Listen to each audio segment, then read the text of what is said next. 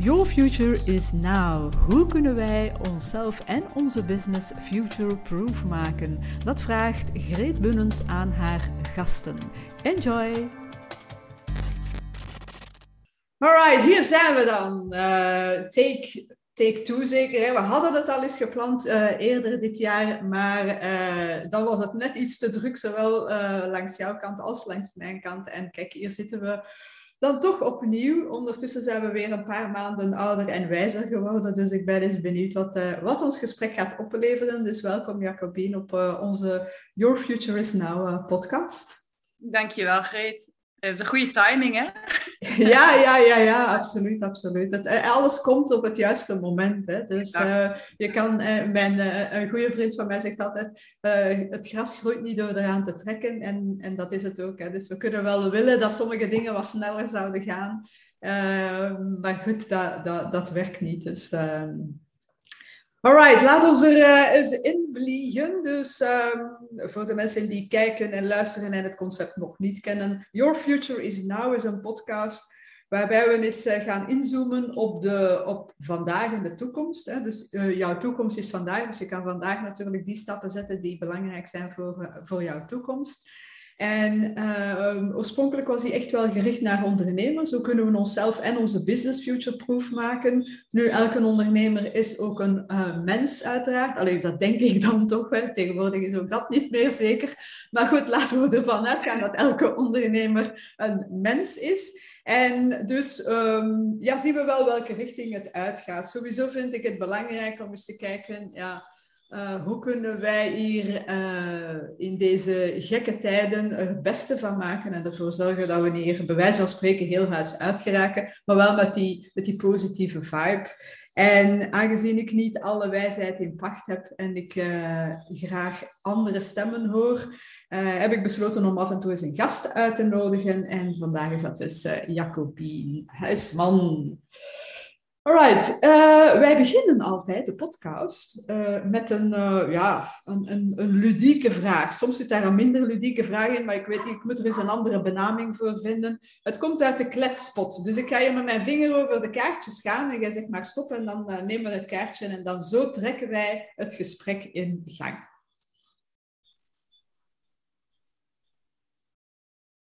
Moet ik zeggen stop? Ja, of, jij mag zeggen stop. Oké, okay, sorry, ik was niet mee. Oh, ja. Ja, stop. That one. Sorry. ja, het is een beetje... Uh, hoe ziet jouw galgenmaal eruit? Oh, maar dat is een leuke. Dat is een leuke. Ja, daar heb ik wel vaak over nagedacht. Um, uh, ik, ben, uh, ik kom uit Nederland, dus mijn, uh, mijn wensen, culinaire wensen zijn heel bescheiden. Ik kan helemaal niet koken. Ah, nee? Nee, ik heb altijd iemand gehad die voor mij kookte. Uh, nu moet ik mijn eigen potje koken. Ik, ik ben alleen nu. Uh, dat, uh, dat gaat. Ehm, maar gelukkig kan je hier in Andalusia heel goedkoop eten. Dus ik ga ook heel vaak gewoon eventjes naar het lokale barretje om een tapa te steken. Maar mijn galgenmaal is eigenlijk wat ik ook gewoon heel vaak maak. En dat is um, um, ja, nieuwe patatjes in de schil nog in de oven. Met uh, met uh, rozemarijn, met uh, grof bronzout, dat hier uit de buurt komt trouwens, uit de buurt van Granada. Er is een, zoutbron. En met groentjes, dus dat doe ik dan wat aubergine, wat um, courgettes, wat verse ui. En dan, en dan gaat dat allemaal in de oven, hè, op een beetje op een bakplaat met wat zilverpapier. En dan natuurlijk een hele geut Finkerdonker Melle olijfolie. Sorry, reclame. Mijn eigen olijfolie. En, uh, en, en dan, uh, ja, dat, dat is het. Dat is, en, en een paar flinke tenen knoflook. Gewoon zo mm. erbij, zonder uh, die in stukjes te doen. Um, of te persen. En dan, ja, dat is mijn, dat is mijn galgemaal. Maar ik eet dus heel vaak een galgemaal. Het is niet dat dat zo heel speciaal, speciaal is, maar ik zeg, mijn wensen zijn bescheiden, culinaire zeker. En, en ja, ik vind dat een zalige maaltijd. Ik ben, ik ben vegetariër, hè, dus mm -hmm. er komt geen vlees bij. Nee. Ja, ik maak, ik maak uh, iets gelijkaardigs wel vaak. Uh, dat is zo lekker zuiders en ik hou van het, uh, van het zuiden en het mediterrane dan vooral. bij jou is dat Andalusia, bij mij is dat de Provence. Maar ik doe er dan ook nog een beetje feta boven. Zo. Dus dat is, oh, goed ja. idee. Ja, wel denk ik wel, Dat ga ik de volgende keer doen. Voilà, kijk. ja, het zal dan geen feta zijn, maar, maar uh, geitenkaas van hier. Dus ik, ik woon in de streek waar ja, de geiten nog buiten wandelen. En mijn buurman is geitenboer. Um, die, um, die zijn geiten worden elke dag twee keer gemolken. En dan komt de melkkar nog langs hier, langs de finca. En, uh, en het gaat allemaal naar de coöperatieve, een dorpje verderop, uh, de melkcoöperatieve. En daar vandaan komt zalige geitenkaas. Uh. Dus um, ja, feta is natuurlijk uit Griekenland ook heel lekker. Maar ik, ik hou het dan lokaal. Ja. Maar inderdaad, dat is een goede tip. ja, ga ik de volgende keer doen. Voilà, ik had nooit gedacht dat we recepten gingen uitwisselen op deze podcast. Moet kunnen. Beste luisteraar, als je ook nog een goed recept hebt, laat het ons weten. Wel graag zuiders, want we houden van het zuiden. Voilà. Zeg, en uh, Andalusia. Misschien is het interessant voor mensen die jou niet zouden kennen, uh, dat je eens in een paar woorden uh, uitlegt wie dat je bent, wat dat je doet en ja. wat dat jou drijft in het, in het leven. Ja, wat doet zij, wat drijft haar? Hè? Dat is een, uh, een poljamber. Um, ik, uh, ik ben dus uh, Nederlandse, maar ik heb 15 jaar in Vlaanderen gewoond, in Antwerpen. Ik heb ook alleen maar eigenlijk voor Vlaamse media gewerkt. Nee, correctie, ik heb wel eens voor nou ja, het Algemeen Dagblad een keertje en een keer de Nieuwe Revue, maar over het algemeen eigenlijk alleen maar voor Vlaamse, um, de Vlaamse pers geschreven. met name het laatste nieuws. En ik ben begonnen bij Flair op mijn 23ste. Uh, eh, zes jaar in vaste dienst gewerkt bij Flair. Dan ben ik voor een aantal andere vrouwenbladen gaan werken. En dan ook voor de bladen van de Vrije Pers toen nog. Um, nieuw, uh, sorry, uh, P-magazine. En Che, onder andere. En dus ben ik gaan, ja, als freelancer verder gegaan. En zo heb ik jarenlang ja, een beetje alle watertjes doorzwommen in de media. Um, geen tv gedaan maar wel meegedaan aan Expeditie Robinson, twee keer zelfs. Dus uh, televisieervaring. En dan, ja, na 15 jaar uh, ben ik samen met Alain Groothaars en onze dochter Julia Groothaars naar um, Andalusia verhuisd. In de wetenschap dat als je naar het buitenland gaat, ja, dat uiteindelijk hè, uit het oog, uit het hart, dat die bron wel opdroogt en dat je dan ook iets anders moet gaan zien te doen. En daar waren we ook wel klaar voor op dat moment. We hadden uh, een jaar gereisd in Zuidoost-Azië, onder andere in India, met onze dochter, een jaar sabbatical gedaan. En na dat jaar hadden we ook wel zo'n gevoel van, ja, we hebben alles al een keer gedaan in die media, uh, tijd voor iets anders. Dus in Andalusia zijn we begonnen met, uh, met een paardenranch. Dus we hebben een paardrijdtochten en paardrijdvakanties georganiseerd. We hadden hier op een gegeven moment 22 dieren. Niet alleen paarden, maar ook muilezels, muildieren. Um, en, twee ezels, allemaal veulens. Uh, een heel oud paard heb ik, mijn oude Mary heb ik uit België, uit Damme laten overkomen. Die kwam hier met pensioen. Dus wij, wij waren ook ja, totale rookies. dat was een heel goed businessmodel. Met al die dieren. Het kost handenvol geld. Hier, hier zeggen ze in het Spaans, uh, je kunt... Uh, nee, ze zeggen altijd, es la ruina. Dus dat ruïneert je met paarden werken. dat klopt wel een beetje, want uiteindelijk, ja, dieren moeten een heel jaar door uh, verzorgd worden en eten. Terwijl je natuurlijk alleen maar in de vakantieperiodes veel gasten hebt, ruiters. En, um, en er is nog zo'n uitspraak die mensen in de paardenwereld wel kennen. Je kunt uh, heel gemakkelijk uh, miljonair worden met paarden, maar je moet wel als miljardair beginnen. Dus dat hebben wij vijf jaar gedaan, tot het moment dat onze dochter klaar was met de middelbare school. En die is dan uh, verhuisd naar, Schotland. Dus uh, biologie, uh, animal biology gaan studeren in Stirling, Schotland. En dat was een moment dat wij ook wel wat begonnen in te zien dat die paardenbusiness, ja, dat we waren echt wel een beetje aan het eind gekomen van, van, dat, van dat pad. In de zin dat um, we heel erg moe werden. Het was heel druk, heel zwaar. altijd maar op het paard of ja, bezig met die paarden. En, uh, en toen hebben, zijn we daarmee gestopt na vijf jaar en dan zijn we reizen gaan organiseren. Maar alle handen reizen, ook naar exotische bestemmingen, naar Botswana, naar, naar Chili, Argentinië, Colombia, IJsland, India. Ja, overal ter wereld, zeg maar. Uh, met uh, belangrijkste, zeg je dat, unique selling proposition, zeggen ze dan, hè, een mooie business term. Ehm, dat wij altijd kozen voor een bepaald vervoersmiddel. Dus bijvoorbeeld te paard op safari in Botswana of in IJsland. Uh, met de motor door de Himalaya. Uh, yoga zeilcruise in, um, in Turkije, in, uh, in, in de Egeïsche Zee. Dat soort, dat soort dingen. En dan ook hier in Andalusia met de minibus um, gingen we hier rond. Dus ik ben eigenlijk nog maar net terug van een reis langs Sevilla en De la Frontera. in het thema van Spaanse paarden, sherry en flamenco. Mm -hmm. En, en dat, dat, doe, dat doe ik nog altijd. Dus ik, inmiddels zijn Alain en ik niet meer bij elkaar. Um, maar ik, ben, ik heb de business overgenomen, dus die reizen doe ik nu. En, en, en we produceren, produceren olijfolie um, hier op de finca. We hebben een, een soort boerderij, een finca heet dat in het Spaans. En, uh, en ook dat doe ik nog. Dus, uh, dus ja, dat zijn mijn voornaamste hier, de bedrijven heerden hier. En daarnaast ja, zijn wij ook allebei terug in de journalistiek gedoken op bepaalde momenten. En het belangrijkste scharniermoment is geweest, ja, dat weet jij, in 2020, in het heetst van de pandemie hebben wij beslist om, om er terug in te duiken om een heel welbepaalde reden. En die reden, ja, die ken jij natuurlijk ook en jouw luisteraars en kijkers ook, is dat wij niet akkoord gingen met de manier waarop de pandemie uh, is be beheerst. Hè? Dus mm. ja, waarop me, vooral de beleidsmakers met, met die regel, met, de, met de maatregelen omgingen en met, uh, ja, met het beheersen van een, een, pandemie die ja, volgens ons een beetje anders in elkaar stak dan, uh, dan wij moesten geloven hè, in de mainstream media. En, en natuurlijk komt daar ineens dan je journalistieke reflex terug en ga je terug in die modus van ja, onderzoeken en lezen en kijken van klopt dit eigenlijk allemaal wel? En het moment voor mij persoonlijk was toen ik ben gecensureerd door de krant, door het laatste nieuws. Mm -hmm. En vertel daar eens wat meer over. Ja, nou, dat was ongeveer uh, um, drie kwart jaar geleden. Nee, langer. Nee, ik kan denken. Nee, wacht even. Moet ik het goed zeggen?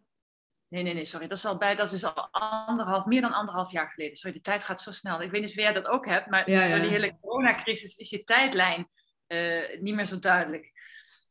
Dus ja, dat is al meer dan anderhalf jaar geleden. Dat was dus in de herfst van 2020, ja, klopt. Um, ik, ging, ik was terug in, uh, voor de krant aan het werken. Ik was altijd aan het werk als reisjournalist, maar um, er waren geen reizen meer. Hè, de grenzen gingen dicht, lockdowns overal. Dus geen reisreportage meer. Sterker nog, het hele reiskatern verdween uit de krant. Mm -hmm. uh, om logische redenen. Dus ik heb contact opgenomen met, um, ja, eigenlijk nou ja, ik mag het ook wel zeggen, het is ook allemaal na de feiten, maakt het ook niet meer. Maar ik heb contact opgenomen met, met de grote baas, met Christian van Tillo.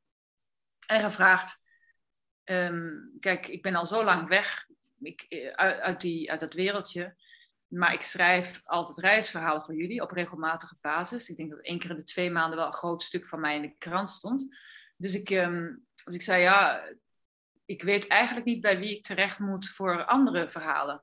Want ik zou wel graag terug human interest willen doen dan. Hè, wat ik altijd heb gedaan voor de vrouwenbladen. Dus ik kreeg een heel beleefd mailtje van Christian terug. Van nou, ik geef het door aan de betreffende hoofdredacteur. Zien wat er gedaan kan worden. En meteen kreeg ik antwoord. Dus dat was wel een leuke opsteken. Kom meteen aan de, aan de slag bij de dagkrant. Zo heet het dan. Je hebt de weekendkrant en de dagkrant.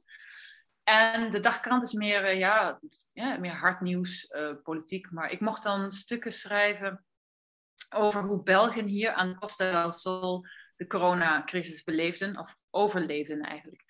Uh, een beetje drama natuurlijk, hè, dat, dat verkoopt. Uh, je zielige verhalen soms, maar ook interessante verhalen. En ik doe dat graag. Dus ik was heel blij, klom weer in de pen, uh, ging, stapte in mijn auto en ging langs de Costa hier al die mensen interviewen. Dus dat werkte goed.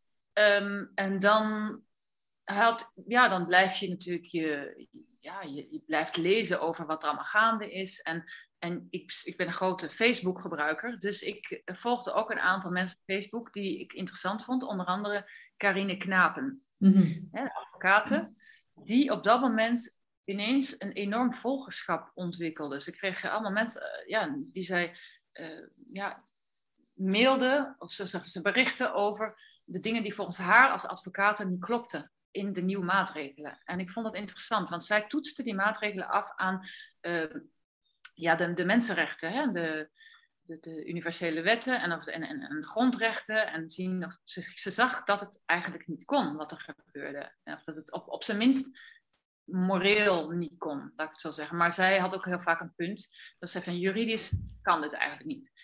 En ik vond het interessant. Ik dacht van die vrouw heeft zo, in zo'n korte tijd, ik geloof toen al, ja, nou ja, duizenden, ik weet niet meer hoeveel toen was, maar in ieder geval duizenden volgers gekregen. Ik dacht, nou, ik ga het voorstellen aan de krant. Dat is een uh, maatschappelijk fenomeen. Dus ik doe mijn voorstel en dat, uh, dat mocht, mocht haar interviewen. Uh, een paar dagen later, denk ik, ik weet niet helemaal meer of dat nou meteen was of een paar dagen. Ik denk een paar dagen later kreeg ik het mailtje van de hoofdredacteur van ja, je moet wel heel kritische vragen stellen. Oké, ik vond dat raar, want ik dacht van ja, dat doe je als journalist altijd. Maar um, ik dacht ook ja, wat, wat weet ik ervan? Ik werk voor een nieuwe krant, hè, een nieuwe de dagkrant. Dus misschien is dat wel, zijn dat de geplogenheden. Dus ik zei, oké, prima. En ik moest ook mijn vragen doorsturen.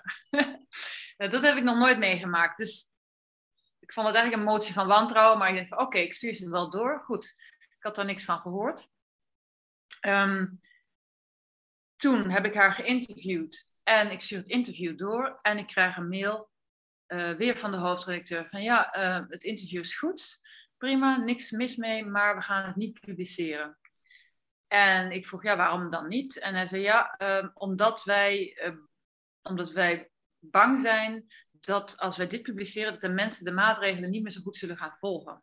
Mm-hmm. En we mogen er toch niet aan twijfelen dat de overheid het goed met ons voor heeft. Dat letterlijk stond daar. En ja, dat, dat vond ik heel raar. En dan, ja, ik, wij waren nog samen, Alain en ik, wij zitten hier aan de tafel, aan dezezelfde keukentafel te werken. En ik lees die mail voor aan hem. Ik zeg, wat vind jij daar nou van? En hij zegt, ja, dat is gewoon censuur. En nou, wacht even, nu moet ik nog één ding vertellen. Ik kreeg daarna nog een mail. Ik heb daar niet om moeten, om moeten vragen, maar heel netjes. Van ja, we zien wel in dat jij hier tijd en energie in hebt gestoken. En het is ook een opdracht geweest. Dus we gaan jou wel betalen. Dus ik ben betaald voor een volledige pagina in de krant die niet is verschenen als je weet het laatste nieuws, hoeveel dat verkoopt, dan is dat, dat is nogal wat. Dat is mhm. nogal wat. Als je gewoon een goed interview weghaalt omdat je bang bent dat mensen iets zullen gaan doen wat jou niet zint. Of wat de overheid niet zint. Dus uh, ja, en, uh, ik heb 25 jaar uh, gewerkt in, als journalist, Alain veel langer nog. En allebei kwamen tot de conclusie van, dit is niet normaal. Dit is du jamais vu. Um, er moet iets speciaals aan de hand zijn dat dit gebeurt. En ondertussen was ook Pieter Klok geweest van de Volkskrant. Die had in een podcast ook echt letterlijk toegegeven dat de neuzen in dezelfde richting moesten staan. Uh, en dat de hoofdredacteuren, uh, dat, nee, niet dat de hoofdredacteur, dat hij als hoofdredacteur nu zich niet kon ver, veroorloven om andere geluiden te laten horen in zijn krant. Wat gewoon grof, ja, dat is gewoon toegeven dat je censureert. Dus wij wisten van, hm, dat is precies een beetje een, uh, ja, de eh, modus operandi van, van de hoofdredacteuren. En wij vermoeden toen al dat er een, uh, ja, een ocase uit was gegaan van de overheid. Van jullie, hè, dat, de, dat de overheid de grootste uh, bazen van de kranten hadden samengeroepen en er gezegd van zo en zo en zo gaan wij communiceren. En daar heb je aan te houden en dat ze daar ook mee akkoord zijn gegaan. En later, veel later, maar nu heb ik het over toen wij headwind, sorry, tegenwind maakten, is dat ook bevestigd door, mhm. Lief, door Lieven Annemans. Is dat bevestigd dat dat effectief zo is gegaan? Nou, je kan je voorstellen dat zoiets gaat, gebeurt in China of in Rusland of in Cuba. Maar in België, ja, vonden wij eigenlijk ongelooflijk. En dat is de mhm. trigger geweest voor ons. Uh, ik vond natuurlijk heel veel dingen, heel veel aspecten verschrikkelijk. Ik vond het verschrikkelijk dat kinderen depressief werden dat uh, ouderen stierven zonder dat een familie erbij was. Dat, um, ja, wat, dat bedrijven failliet gingen. Nou, wij hebben ook, dat bedrijf van ons, toerisme, was, wij waren een van de eerste die de klappen kregen. Maar dat is niet de reden geweest. De reden waarom wij hier, waarom, ik waarom ik hiermee ben begonnen.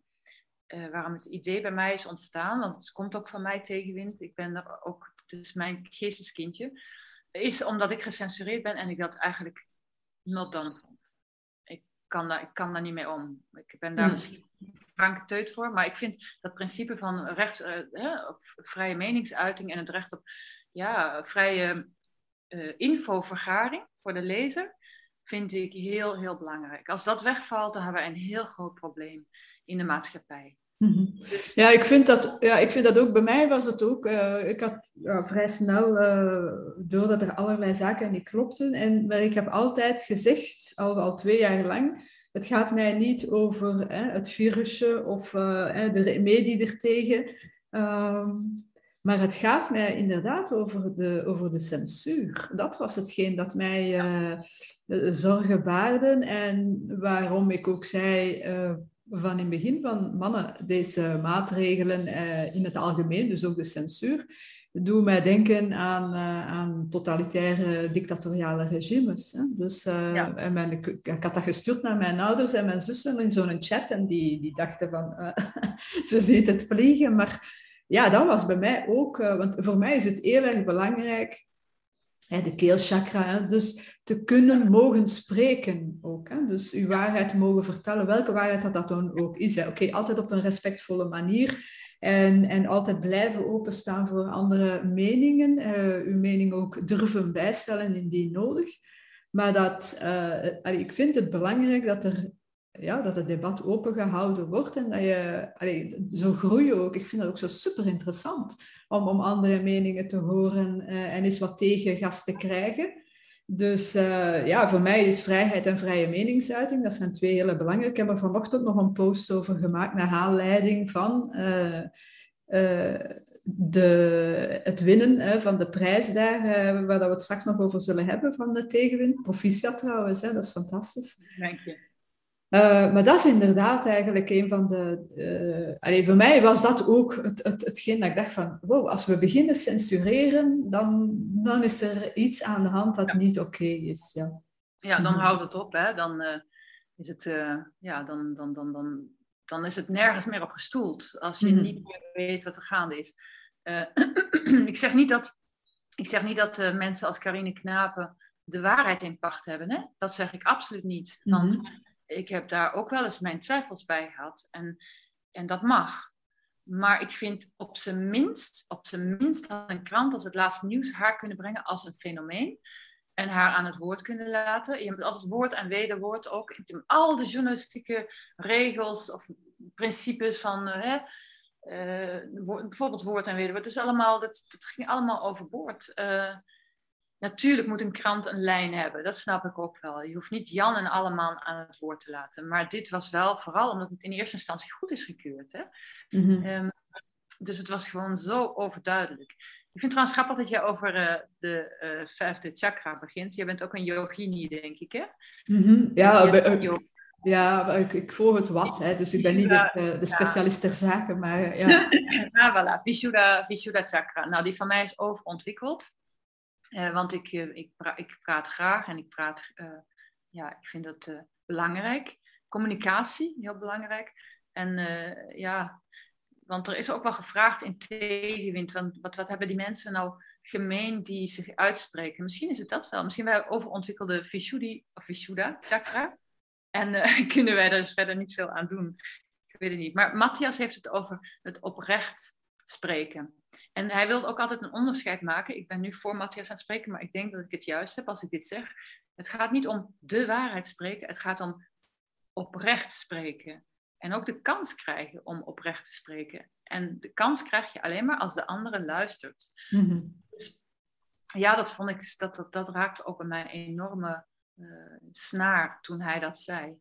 En in, in, in yoga is dat, uh, ja, er is een, een heel belangrijk principe in yoga, dat is satya. Satya wil zeggen uh, truthfulness, hè, oprechtheid. Ja, dat heb ik in de hele coronacrisis niet gezien, satya. Mm Er was geen, uh, geen truthfulness. Dat niet wil zeggen, dat is weer niet hetzelfde als the truth, want iedereen heeft zijn eigen waarheid. Maar en ja, dat zie je nu ook weer uh, na het uitreiken van de prijs voor tegenwind ja, er staat te veel op het spel, denk ik, voor mensen om nog uh, heel oprecht te kunnen zijn. Want mensen hebben zich vergalopeerd, hebben zich in een hoek geschilderd, kunnen daar moeilijk nog uit zonder A, gezichtsverlies. Dat is voor heel veel mensen heel belangrijk. Hè? Neem de, de viroloog, ik ga ze niet bij naam noemen, maar ik denk dat als je die dingen hebt verkondigd, die hebt verkondigd, en het blijkt achteraf helemaal niet waar te zijn, hoe, hoe moeilijk is dat om dat toe te geven? En, en B, er staat ook heel veel op het spel uh, financieel. En juridisch. Want je kan je toch wel voorstellen als nu uh, beleidsmakers gaan zeggen, ja, we hebben het eigenlijk bij het foute eind gehad. We hadden eigenlijk bijvoorbeeld de omgekeerde lockdown van Sam Brokken moeten eren. En daar hadden we, daar, die kaart hadden we moeten trekken. Ja, dan gaan natuurlijk een heel race bedrijven zeggen van, hé, hey, uh, kom maar op met je centen. Want wij hebben door die uh, hele lockdown klanten verloren en geld, we zijn failliet gegaan. Ja, je kan je wel voorstellen wat er dan gebeurt. Dus dat, dat moment, that ship has sailed, denk ik. Ik denk het enige dat we nog kunnen doen is hiervan leren en voor de volgende keer het anders doen. Maar mensen vergeten ook snel, hè? De maatregelen, ja. maatregelen zijn losgelaten en hippie, hippie, hoi, hoi, we gaan allemaal weer op reis en we gaan allemaal leuke dingen doen. En, maar er zitten nog heel veel mensen in verschrikkelijke miserie. Die hebben geld verloren, hun kinderen uh, hebben zich uh, geautomutileerd. Hè? Je weet dat heel veel, heel veel kinderen zijn begonnen met zichzelf te pijnigen. Dat is mm. echt een, een fenomeen. Ik ben geen psycholoog, ik weet niet waarom, dan, waarom het op die, zich, op, zich op die manier uit, maar het uit zich wel op die manier. Uh, er zijn heel veel zelfmoorden uh, gepleegd. Dat krijgen we nooit meer terug. We hebben zoveel verloren als maatschappij. Het is bijna ja, het is een collectief trauma, dit. Dit is zeker een collectief trauma. Ik word er ook zo trist ook van. Hè? Dus ik word er heel emotioneel van. Nou, dat, dat, raakt mij echt. En zeker ook als we het over kinderen hebben. Maar over alles. Hè? Ook voor, voor onze mede-ondernemers onder ons. Uh, die, die oudere mensen uh, die alleen hebben moeten sterven. Uh, of, of andere mensen ook die alleen hebben moeten sterven. Hoe, hoe onmenselijk is, is deze periode geweest. En, en we kunnen inderdaad gaan kijken naar Allee, vergeven. En ik had hier gisteren nog een kaartje getrokken. Hè. Ik heb zo de mood of the day, de mindfulness kaartjes. En dat ging over hè, vergeven en vergeten. Mhm. Ook jij zult op een goede dag sterven. Als je dit weet, hoe kan je dan ruzie maken? Mm dus uh, inderdaad, laten we wat serene debatten uh, houden en laten we niet te veel ruzie maken. Maar uh, ja, ja ik, zal, ik zal je een voorbeeld geven, Greet. Wij, wij hebben met onze uh, met ons reisbureau, reisorganisatie, veel gereisd in Colombia. En daar heb je ook zo'n enorm schisma gehad in de maatschappij. Hè? Enorme divide tussen de mensen. Toen op het moment dat, uh, dat het daar weer een beetje orde op zaken kwam. En ze hadden uh, die, de oorlog tegen, met, ja, tegen het vark, zeg maar, de, de rebellen hadden ze ja, nou gewonnen, zeg maar, onder controle. Hè? De president, toen moest er een beslissing worden genomen. Wat gaan we doen?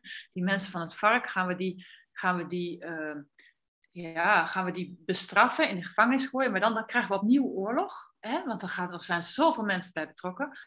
Ofwel gaan we die pacifyen, hoe zeg je dat, tevreden houden, en gaan we ze opnemen in de regering en baantjes geven op hoge posten, zodat ze dan, ja, dan, dan hebben ze geen gezichtsverlies en we, kunnen, en ze, we geven ze uh, wat ze willen en, en we kunnen verder met de maatschappij. Nou, we hebben vrienden in Colombia, die familie, is ongelooflijk verdeeld. Ene helft zegt, dat was een goed idee. Dat was, uh, ja, peacekeeping. We moeten verder en we moeten daar uh, bijna ja, met de mantel der liefde bedekken en verder gaan. En andere van die familie zeggen van, ja, nee, hè, wij hebben vrienden, we, hebben mensen verloren. Die waren op het foute moment, op de foute plaats, die zijn doodgeschoten eh, door, door de mensen van het vark. Dus die, die um, ja, die mensen hebben zoiets van nee, dat, dat moet bestraft worden. Die mogen hier niet zomaar wegkomen. En wij zitten op dit moment eigenlijk in een, in een post-oorlogssituatie. In de zin dat, ja, weerom, ik ga ze niet bij naam noemen, maar er zijn toch een aantal mensen dat je, waarvan, waarvan ik denk, ja, eigenlijk, eigenlijk is het geen goede zaak dat die hier zomaar mee wegkomen.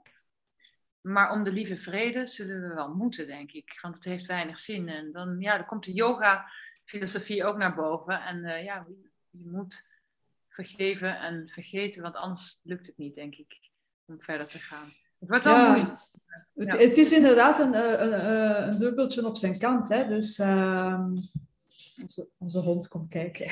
Ja. um, ja, ik ben ook zo niet, ik, ik, heb, ik heb het ook niet voor revenge. Hè? Bijvoorbeeld zo ja, dat straffen en dergelijke. Um, dus ik zou ook eerder geneigd zijn om te zeggen van ja, kijk, iedereen maakt zijn fouten, let's make amends en laat ons dan ervoor zorgen dat we deze fouten nooit meer maken. Anderzijds hoor ik dan wel mensen zeggen, ehm, ja, maar misschien moeten we wel een voorbeeld stellen, want wat hier gebeurd is op, allez, door hooggeplaatste mensen in, uh, in onze maatschappij, dat kan echt niet door de beugel. En we willen ook wel een voorbeeld stellen dat dit in de toekomst ook niet meer mag gebeuren. Dus in daar, daar kan ik ook nog in komen. Dan heb je natuurlijk ook nog een groep van mensen die eh, moord en brand schreeuwen. En uh, als ze willen, ze zouden ze allemaal uh, op het dorpsplein ophangen. Ja, dat is echt uh, uiteraard een, een brug te ver, vind ik. maar het is inderdaad een lastige, hè, want ehm, ja, wat... Allee, ik was nu, gisteren was er dan de, de uitzending in de afspraak over, uh, over, over het, uh, de publieksprijs die jullie gewonnen hebben met Tegenwind. En dan wat, had je weer zo'n uh, pseudo-debat. Waar dat dus de mensen die aan tafel zaten, behalve dan Rick Torfs, die tenminste nog een, een deftig discours kan houden, die het debat open houdt en daarin rustig blijft. Maar dan heb je daar een aantal andere mensen aan tafel die dan laatdunkend doen over, over, de, over de documentaire, over de mensen die het gemaakt hebben, over Alain onder andere en, en, en, uh, en de mensen die, uh, die als expert zich daar hebben, uh, hun mening hebben gegeven. En geen van die mensen heeft dan ook die, de documentaire gezien. Huh?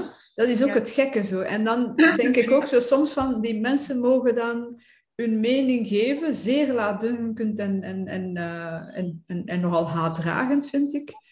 Ja, ja wat doe je met zo'n mensen, hè, inderdaad. Nou, hè? Dus, ik, zal, ik ga om te beginnen niet hetzelfde doen, want ik zal zeggen, ik heb de afspraak niet gezien. Ik kan dat niet zien, want het is niet mogelijk buiten, uh, buiten Spanje. Ik heb geen televisie. Uh, dus ik kijk geen tv, ik kijk wel natuurlijk het nieuws en ik, uh, ik, informeer mij, maar via internet. Dus ik kan het niet zien, dus ik ga daar geen uitspraken over doen. In tegenstelling tot de mensen in de afspraak die wel uitspraken doen over iets dat ze niet hebben gezien, wat inderdaad laakbaar is. Ik snap eigenlijk niet dat die mensen zich, dat, dat die zich niet schamen, maar goed. Maar ja, het, het, geluid komt altijd van dezelfde kant. Ik weet wie er in, de, in die, die uh, studio zaten. Het verbaast mij niet. Het heeft ook een beetje te maken met virtue signaling. Hè? Het was natuurlijk, onze kant werd gezien als de foute kant, want ja, wij waren, wij waren de mensen die de mensen zomaar wilden laten sterven, bijvoorbeeld. Dat was ook zo'n uitspraak van, ja, ik heb dat ook gehoord van vrienden, die zeiden van, ja, maar jij wilt ons dood. Ik zeg, ik wil helemaal niet dood. Er waren dan mensen die, die boos waren omdat ik zei van, ja, we zitten hier in de buitenlucht en ik, ga geen, uh, ik doe geen masker aan. Uh, ik ben een yoga-leraar en ik weet hoe belangrijk de, de ademhaling is voor onze gezondheid. Mm-hmm. Je moet het tegen elkaar afwegen. Ik zeg, ik heb er geen probleem mee dat jij een masker draagt. Prima.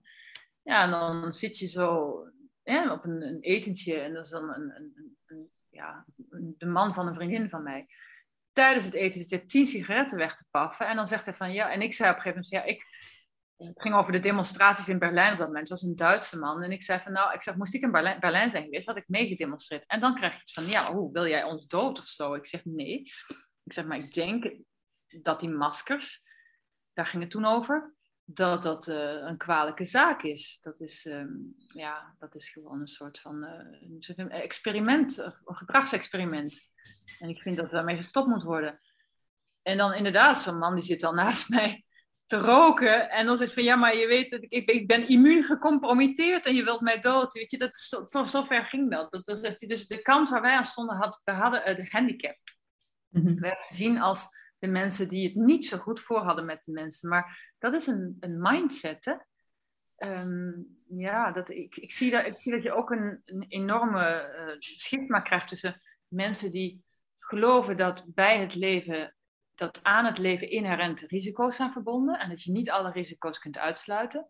Tegenover de mensen die leven binnen het kader van uh, verzekeren, verzeker jezelf van de, van de wieg tot aan het graf. Waarbij zelfs je zelfs denken, sommige mensen denken dat ze zichzelf kunnen verzekeren tegen de dood. Maar we gaan allemaal een keer dood. En je moet dus afwegen, uh, hoe wil je dat leven invullen? met, sorry, met risico's te nemen en bepaalde veiligheden in te bouwen. Ja, dat, dat, dat, is, de, dat is de hele discussie geweest. En wij vonden dat, dat de balans overhelde naar te veel uh, verzekeren. Maar dat, je kan het niet verzekeren. En zeker niet met maskers, waarvan allerhande studies al vanaf het begin hebben uitgewezen dat ze niet helpen tegen een virus dat onooglijk klein is en veel kleiner dan de gaatjes in dat, in dat masker. Daar moet je geen, geen genius voor zijn om dat te kunnen beseffen, om dat te kunnen zien. Dus ja, dus die mensen die gisteren in die studio zaten, ja, dat zijn de virtue signalers van deze maatschappij. Hè? En dat is heel eh, makkelijk om daarmee te scoren, heel gemakkelijk. En er komt nog iets bij, als je daarmee scoort, dan krijg je ook uh, toegang tot subsidies, subsidiepotten. Um, ik ga zijn naam niet noemen, want uh, het is een beetje lullig, maar nou, één, één iemand die gisteren in de studio zat. Nou, als, je, als je je uitspreekt tegen de regering, dan heb je automatisch geen kans meer op die subsidiepot, snap je? Dus daarom is wat gisteren is gebeurd uniek. Uniek dat er een publieksprijs kwam. En mhm. dat, ja, we hebben nog geprobeerd om het te censureren. Dat was heel duidelijk. Wij zijn er afgehaald van de online. En op een gegeven moment kon je helemaal niet meer op ons stemmen. Maar, en dat hebben ze al snel ingezien, dat als ze daarmee verder gingen op dat paadje, dan hadden ze echt een probleem. Dus ze hebben dat snel weer uh, teruggezet en de mensen zijn blijven stemmen. Dank aan iedereen trouwens, super, echt super. En um, ja, dus wat er gisteren is gebeurd, is, is of eergisteren, is ongelooflijk. Is, een, is uniek dat de stem van het volk is, ja, heeft gezegevierd. Mm en, en die mensen hebben, ja, weet je, wij zouden nooit uit de ruif van de overheid kunnen eten met tegenwind. Nooit.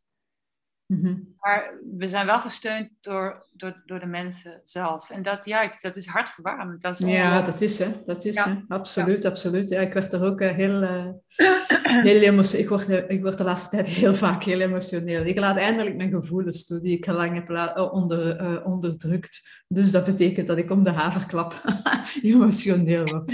Maar goed, en, en dan zo'n dingen kunnen mij zo inderdaad zoveel plezier geven. Ik zie er ook het mooie dan van in. Hè? Dus we kunnen inderdaad nu zeggen van... Ja, ook nu weer dat het wat doodgezwegen wordt. Hè. Al de laureaten worden opgesomd, behalve jullie dan.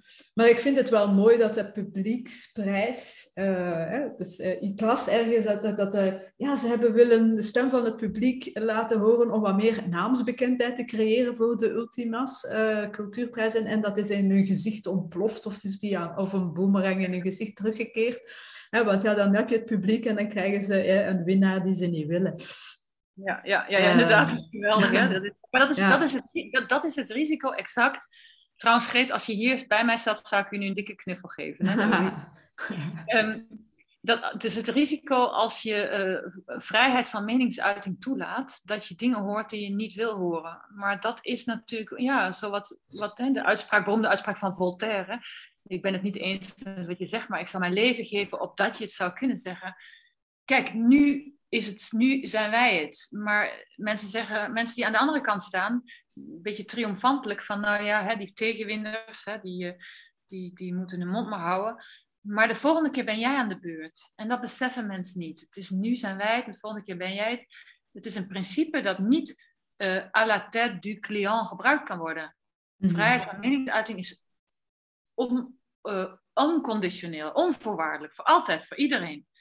En niet alleen maar op het moment dat het jou uitkomt. En dat is zo mooi van die publieksprijs. Dat, uh, nou ja, je hebt natuurlijk altijd risico dat er gesjoemeld wordt met, met de stemmen. Of... Maar ik denk dat het, uh, dat het, dat het ja, nou, in hun gezicht is geëxplodeerd, weet ik niet. Ik weet niet, je hoeft ook niet altijd te denken dat er ergens een, een beweegreden achter zit. Waarom? Ik denk wel dat wij een bevriende persoon daar in dat comité, hoe zeg je, een bevriend niet, maar iemand die ons goed gezind is, heeft ons op die lijst gezet als kandidaten. Ze hadden dat ook even goed niet kunnen doen natuurlijk. Hè? Uh, dus dat is wel heel fijn, dat er iemand is die zegt van nou, ik vind dat de moeite waard om hun op die lijst te zetten. Uh, daar is het mee begonnen natuurlijk. En ja, dat, uh, dat is zo uitgedraaid. En, en uiteindelijk, ja, ze krijgen meer publiciteit misschien. Maar aan de andere kant, de mainstream media zwijgen dit enorm dood. Jij bent de eerste die een uh, interview doet.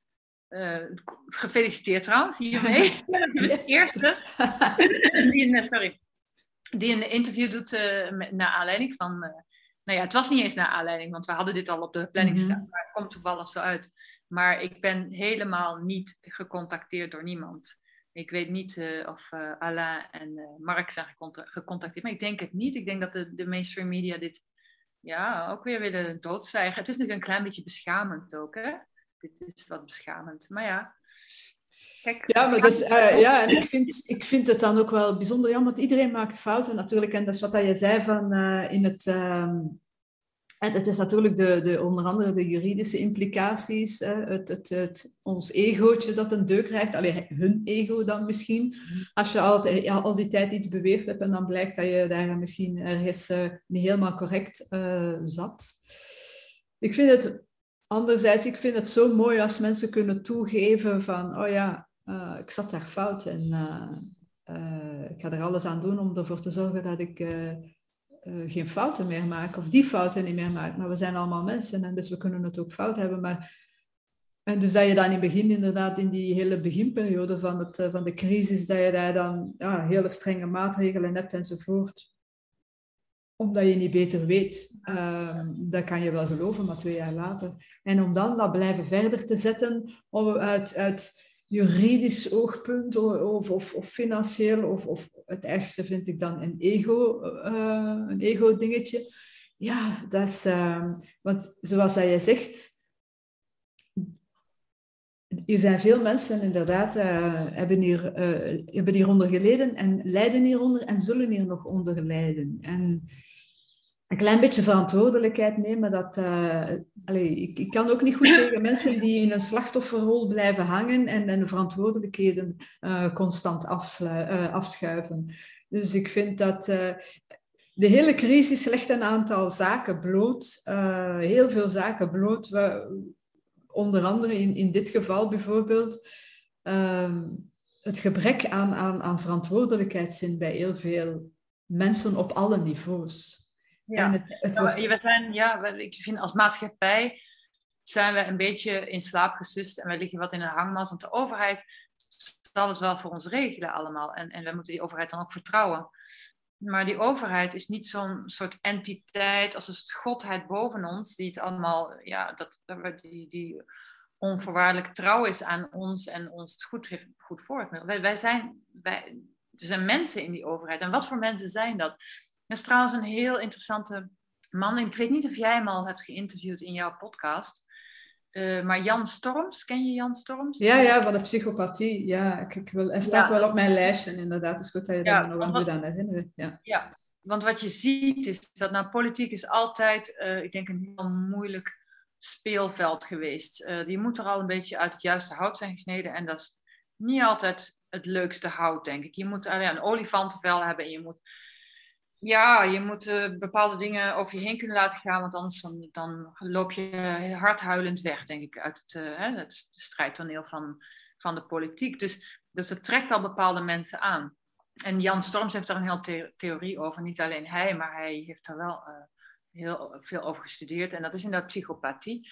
En wat zie je? Dat er toch een heel aantal, ja, groot percentage, ik denk tussen de 5 en 10 procent van de mensen in de politiek, aan een of andere vorm van psychopathie lijden. En dat is niet psycho, hè, die, die achter eh, je in de douche uh, jou met een mes komt uh, neersteken. Maar dat, is, dat zijn mensen met een, laat ik zeggen, een gecompromitteerd geweten. Of die eigenlijk, min, die eigenlijk geen geweten hebben of minder ontwikkeld geweten. En Jan heeft daar een super interessante theorie over, dat, dat, ja, dat het te maken heeft met, met trauma. Met ja, zeg maar, trauma dat zelfs generaties kan overstijgen. Mm. Dus het zijn toch, ja, ik ga daar niet te veel over zeggen, want straks zeg ik dingen die niet helemaal kloppen en dan gaat, gaat Jan niet, uh, niet blij mee zijn. Maar het is toch wel opvallend dat er een aantal mensen in de politiek tevoorschijn zijn gekomen, steeds meer, die, waarvan, je, ja, waarvan je op zijn minst, waar ik twijfels bij heb, bij hun empathie, bij hun gevoelens van hun inlevingsvermogen. Um, ja, ik denk dat we allemaal wel weten, hè, de mensen die, zich, die, die, die, die bepaalde maatregelen hebben doorgedrukt, dat die nou niet echt bekend stonden, of dat ze niet, ja, dat ze, je zag geen empathie met de rest van, het ging alleen maar om dat virus. De rest van de maatschappij kon eigenlijk gestolen worden. Of mensen daar nou aan onderdoor gingen. Dat, dat, dat, dat vind ik toch ja, een opvallend uh, fenomeen. Dat zal misschien altijd al zo zijn geweest, maar ik vind dat er weinig ja, er zijn weinig echte staatsmannen en vrouwen die het grote goed van heel de maatschappij voor ogen hebben.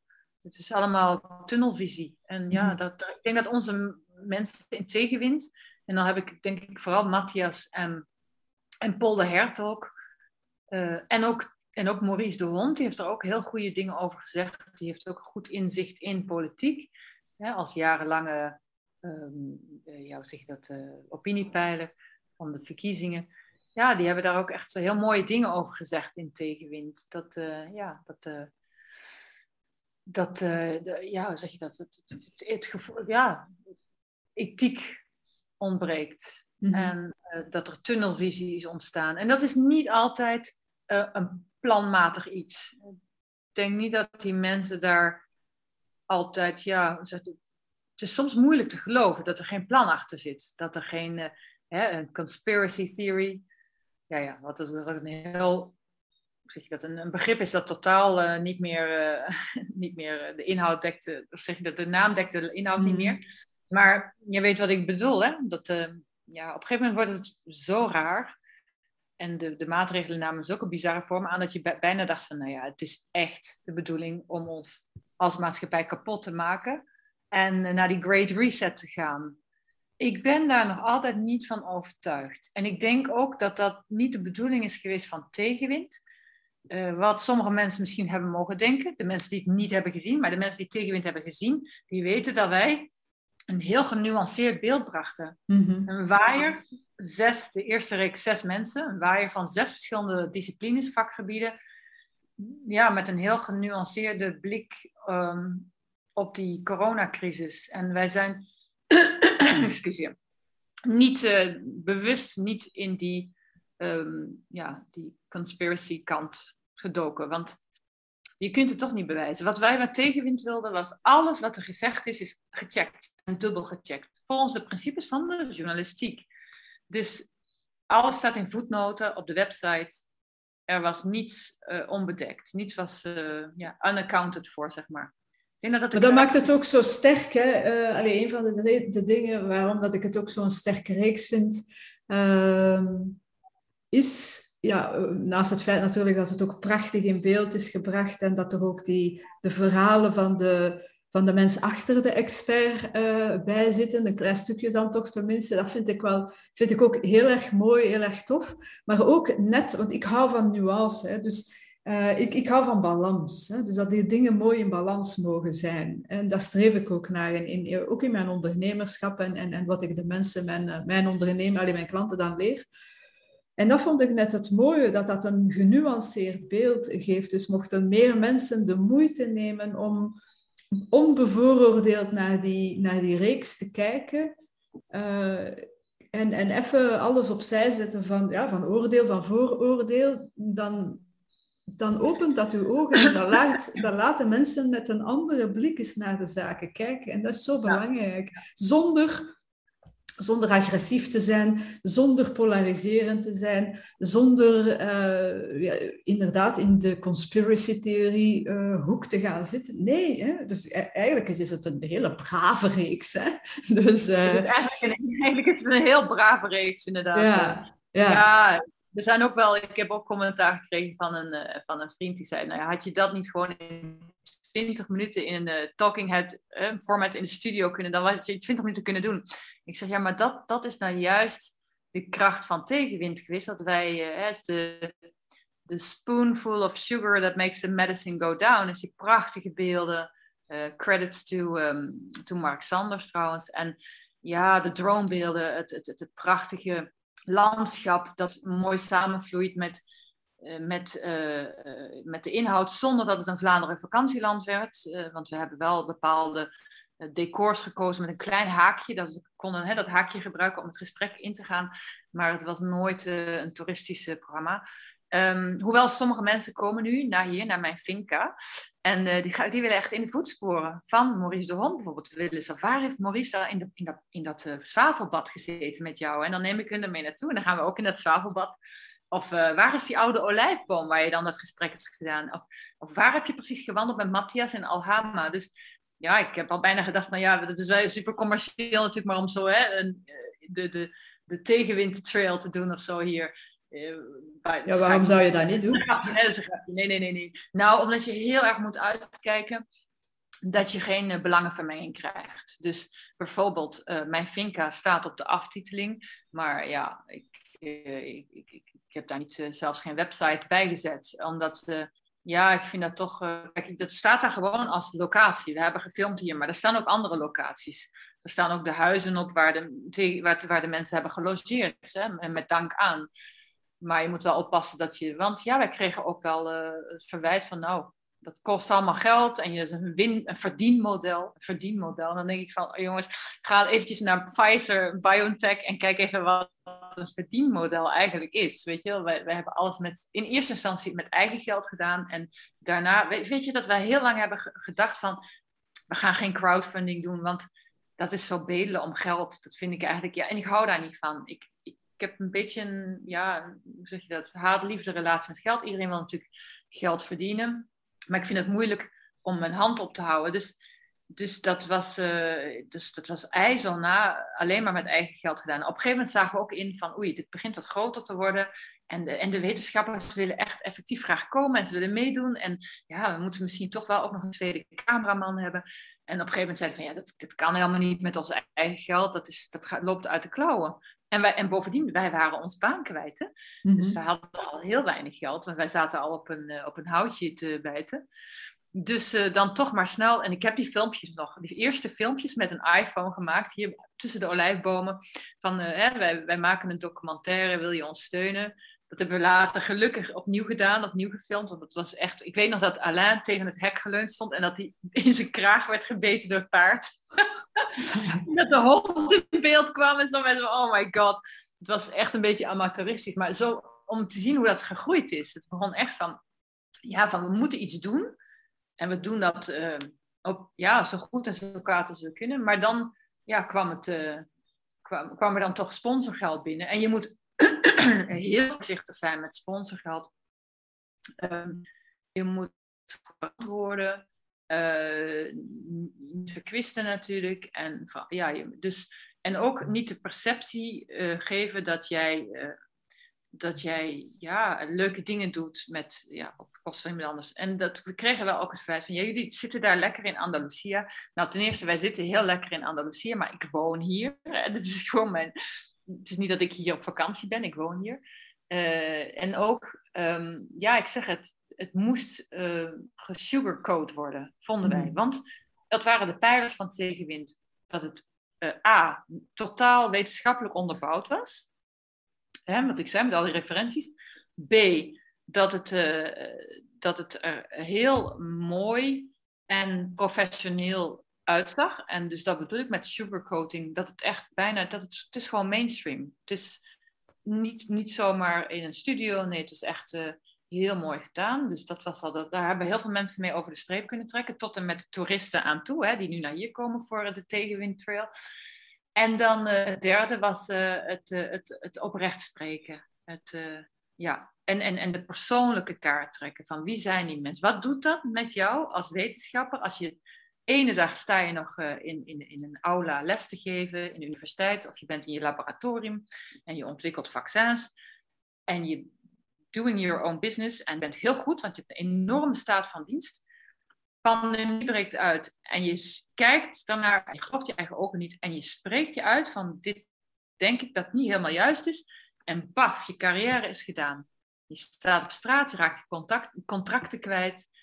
Vrij letterlijk uh, is dat, want Theo Schetters is uh, heel veel contracten kwijtgeraakt. Sam Brokken stond op straat. Wat doet dat met een mens? Dat was mhm. ook een belangrijke, het menselijke aspect. Want ik denk dat in heel de coronacrisis zijn we, ja, dus het menselijke aspect op zoveel gebieden verloren gegaan. En dat is, ja, dat is, uh, ja, dat is ja, dat is inderdaad wat jij, waar jij ook niet goed van bent, denk ik. Ja, ja, ja, ja, ja dat is het. Hè. Dat is het. Hè. Dus het, de, het men, de, allee, wij, de mens is zo'n mooi wezen en we doen elkaar soms toch echt zo de duvel aan. Hè. Dus, uh, maar het is zo belangrijk. Uit angst, ja. ja. uit angst voor, voor, voor ziek, ziekte en dood. En doordat we dat deden, was heel ons leven ziekte en dood. De hele pandemie, twee jaar lang hebben wij, zijn wij omringd geweest door ziekte en dood. Terwijl, nu moet ik eerlijk zeggen, ik ben, ik ben gezegend. Ik ben heel gezond. Ik ben helemaal niet ziek geweest.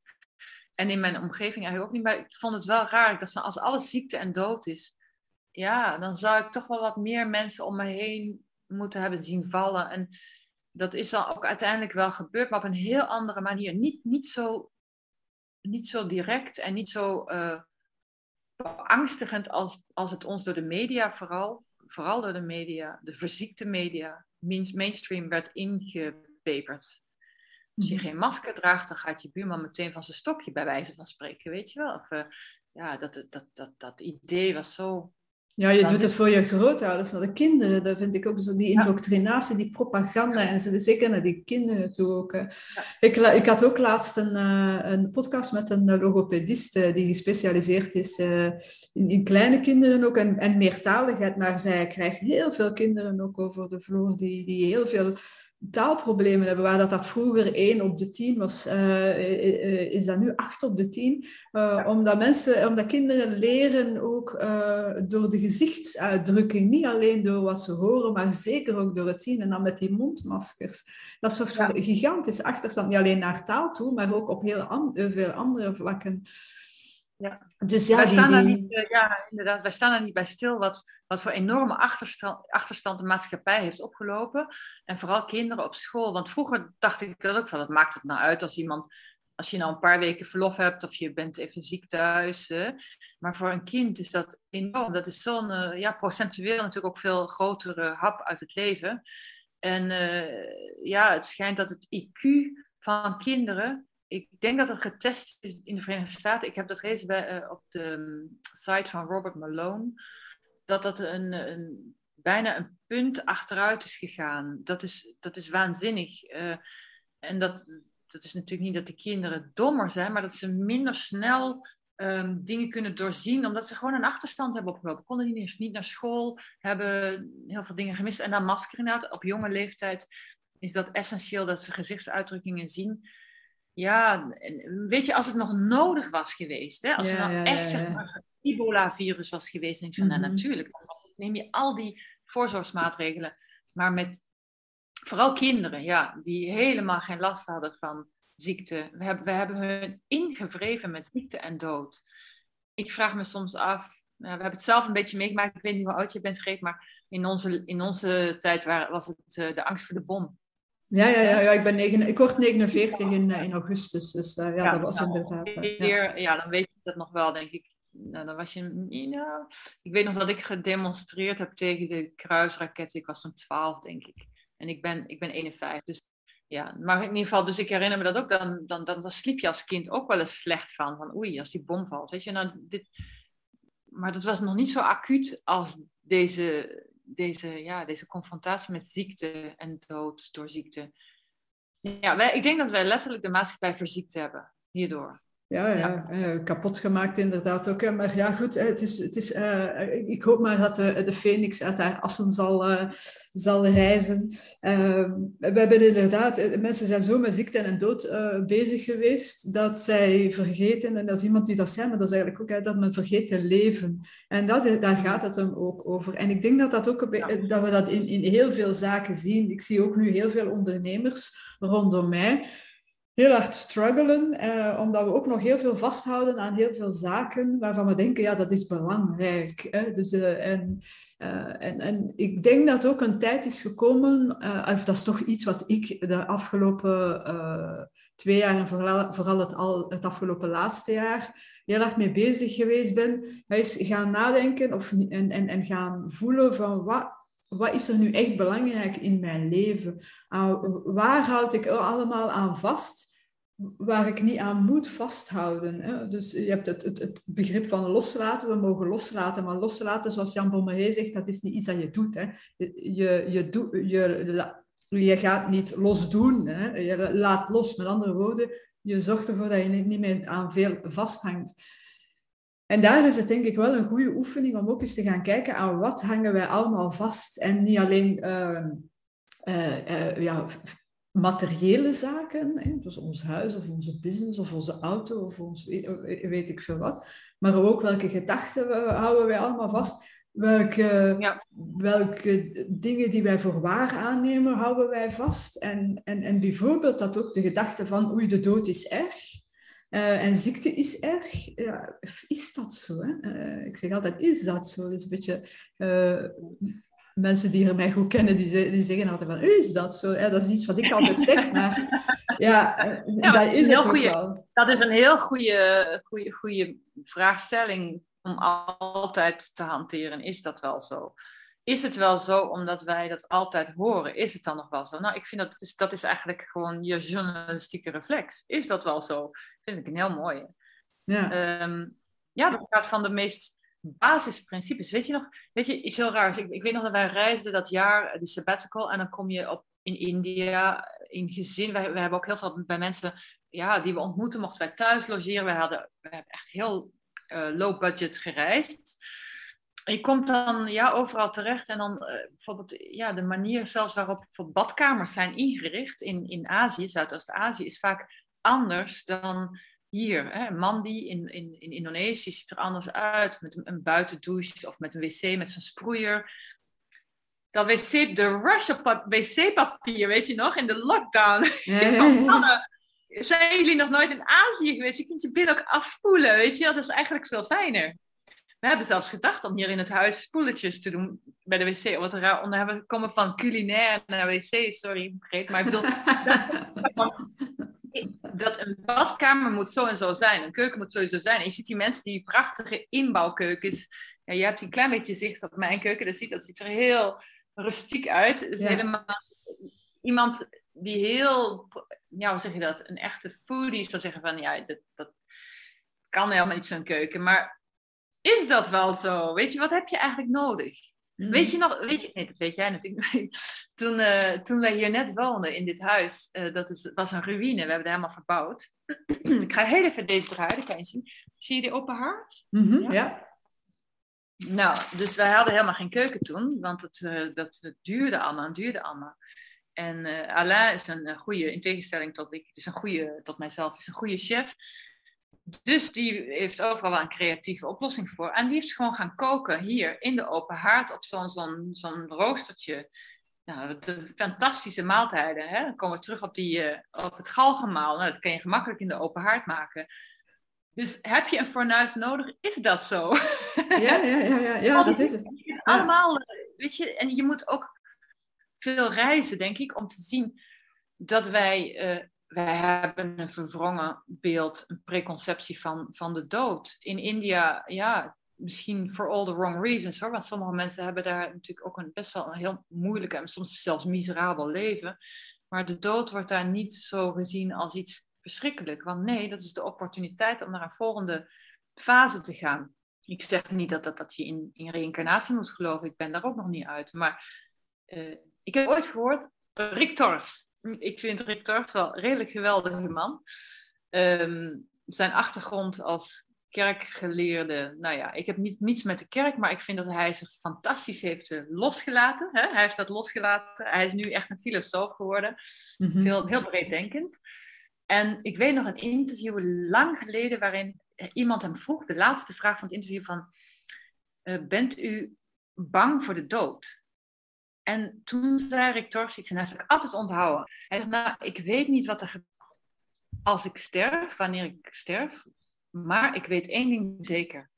Ik zal niet teleurgesteld worden. En dat vond ik zo. Ik dacht, ja, waarom zouden wij teleurgesteld worden? Want dat heeft geen, heeft geen zin om te denken dat je dat dat iets afschuwelijks is. Of dat je naar de hel gaat. Of, uh, nee, wij maken van dit leven een hel. Maar we moeten niet ervan uitgaan van het slechtste dat de dood verschrikkelijk is. We zullen niet teleurgesteld worden. Ik vond dat, ja, ik weet niet waarom, maar ja. een man naar mijn hart. Ja. En ik hoop hem ook, uh, ook nog eens te interviewen. We hebben aan hem gedacht voor Tegenwind. Um, ik ben trouwens niet meer bij Tegenwind. Um, ik ben uh, weg. Ik wilde mijn eigen pad volgen en ik ga dat ook doen. Dus ik ga een aantal, uh, daar ben ik nu mee bezig met het opstarten van een aantal diepte-interviews voor uh, Blackbox TV, hè? Blackbox van Flavio Pasquino. En het eerste volgende wat ik ga doen in juni is naar uh, Duitsland om uh, dokter Bakti, Sukadit Bakti, te interviewen. Mhm. Die woont helemaal in het noorden van Duitsland, in, tegen de grens van Denemarken. Dus ik ben daar nu mee bezig. Ik ga dat doen met de mensen van Oval Media. Ik weet niet of je er al van hebt gehoord. Nee. Nou, het zijn mensen die eigenlijk min of meer het, op hetzelfde spoor zitten als jij en ik en Tegenwind. Maar Rick Torf staat ook altijd nog op mijn lijstje. Ik Ja. heb hem jaren geleden geïnterviewd. Ik denk voor Flair of voor Goed Gevoel, ik weet niet meer. Maar ik vond het een, eh, een heel fijne mens. Dus, eh, dus eh, Rick mag me bellen. Ja, eigenlijk Eh. mij, mij ook, nu dat je het zegt. Eh, dus inderdaad, ik zal misschien eens een contact opnemen. want ik, Alain kent hem wel goed, dacht ik. Hè? Want ik zag nog een, een, een sms van Alain passeren. Allee, over, over Rick, allee, wat maakt niet uit. Dus inderdaad, ja, waarom, eh, waarom eh, niet? Hè? Eh, en dus, want inderdaad, dat was mijn vraag. Jij hebt wel nog de aflevering van, van Headwind met Dr. Malone en met Geert van den Bossen gemaakt. Ja. En, want wie, wie komt Ja, er dus nu de hele in de volgende? Ja, dus de hele productie heb ik mee gedaan. Als, ja, als ook als voorzitter van de, de, de foundation, hè, de stichting. Mhm. Association.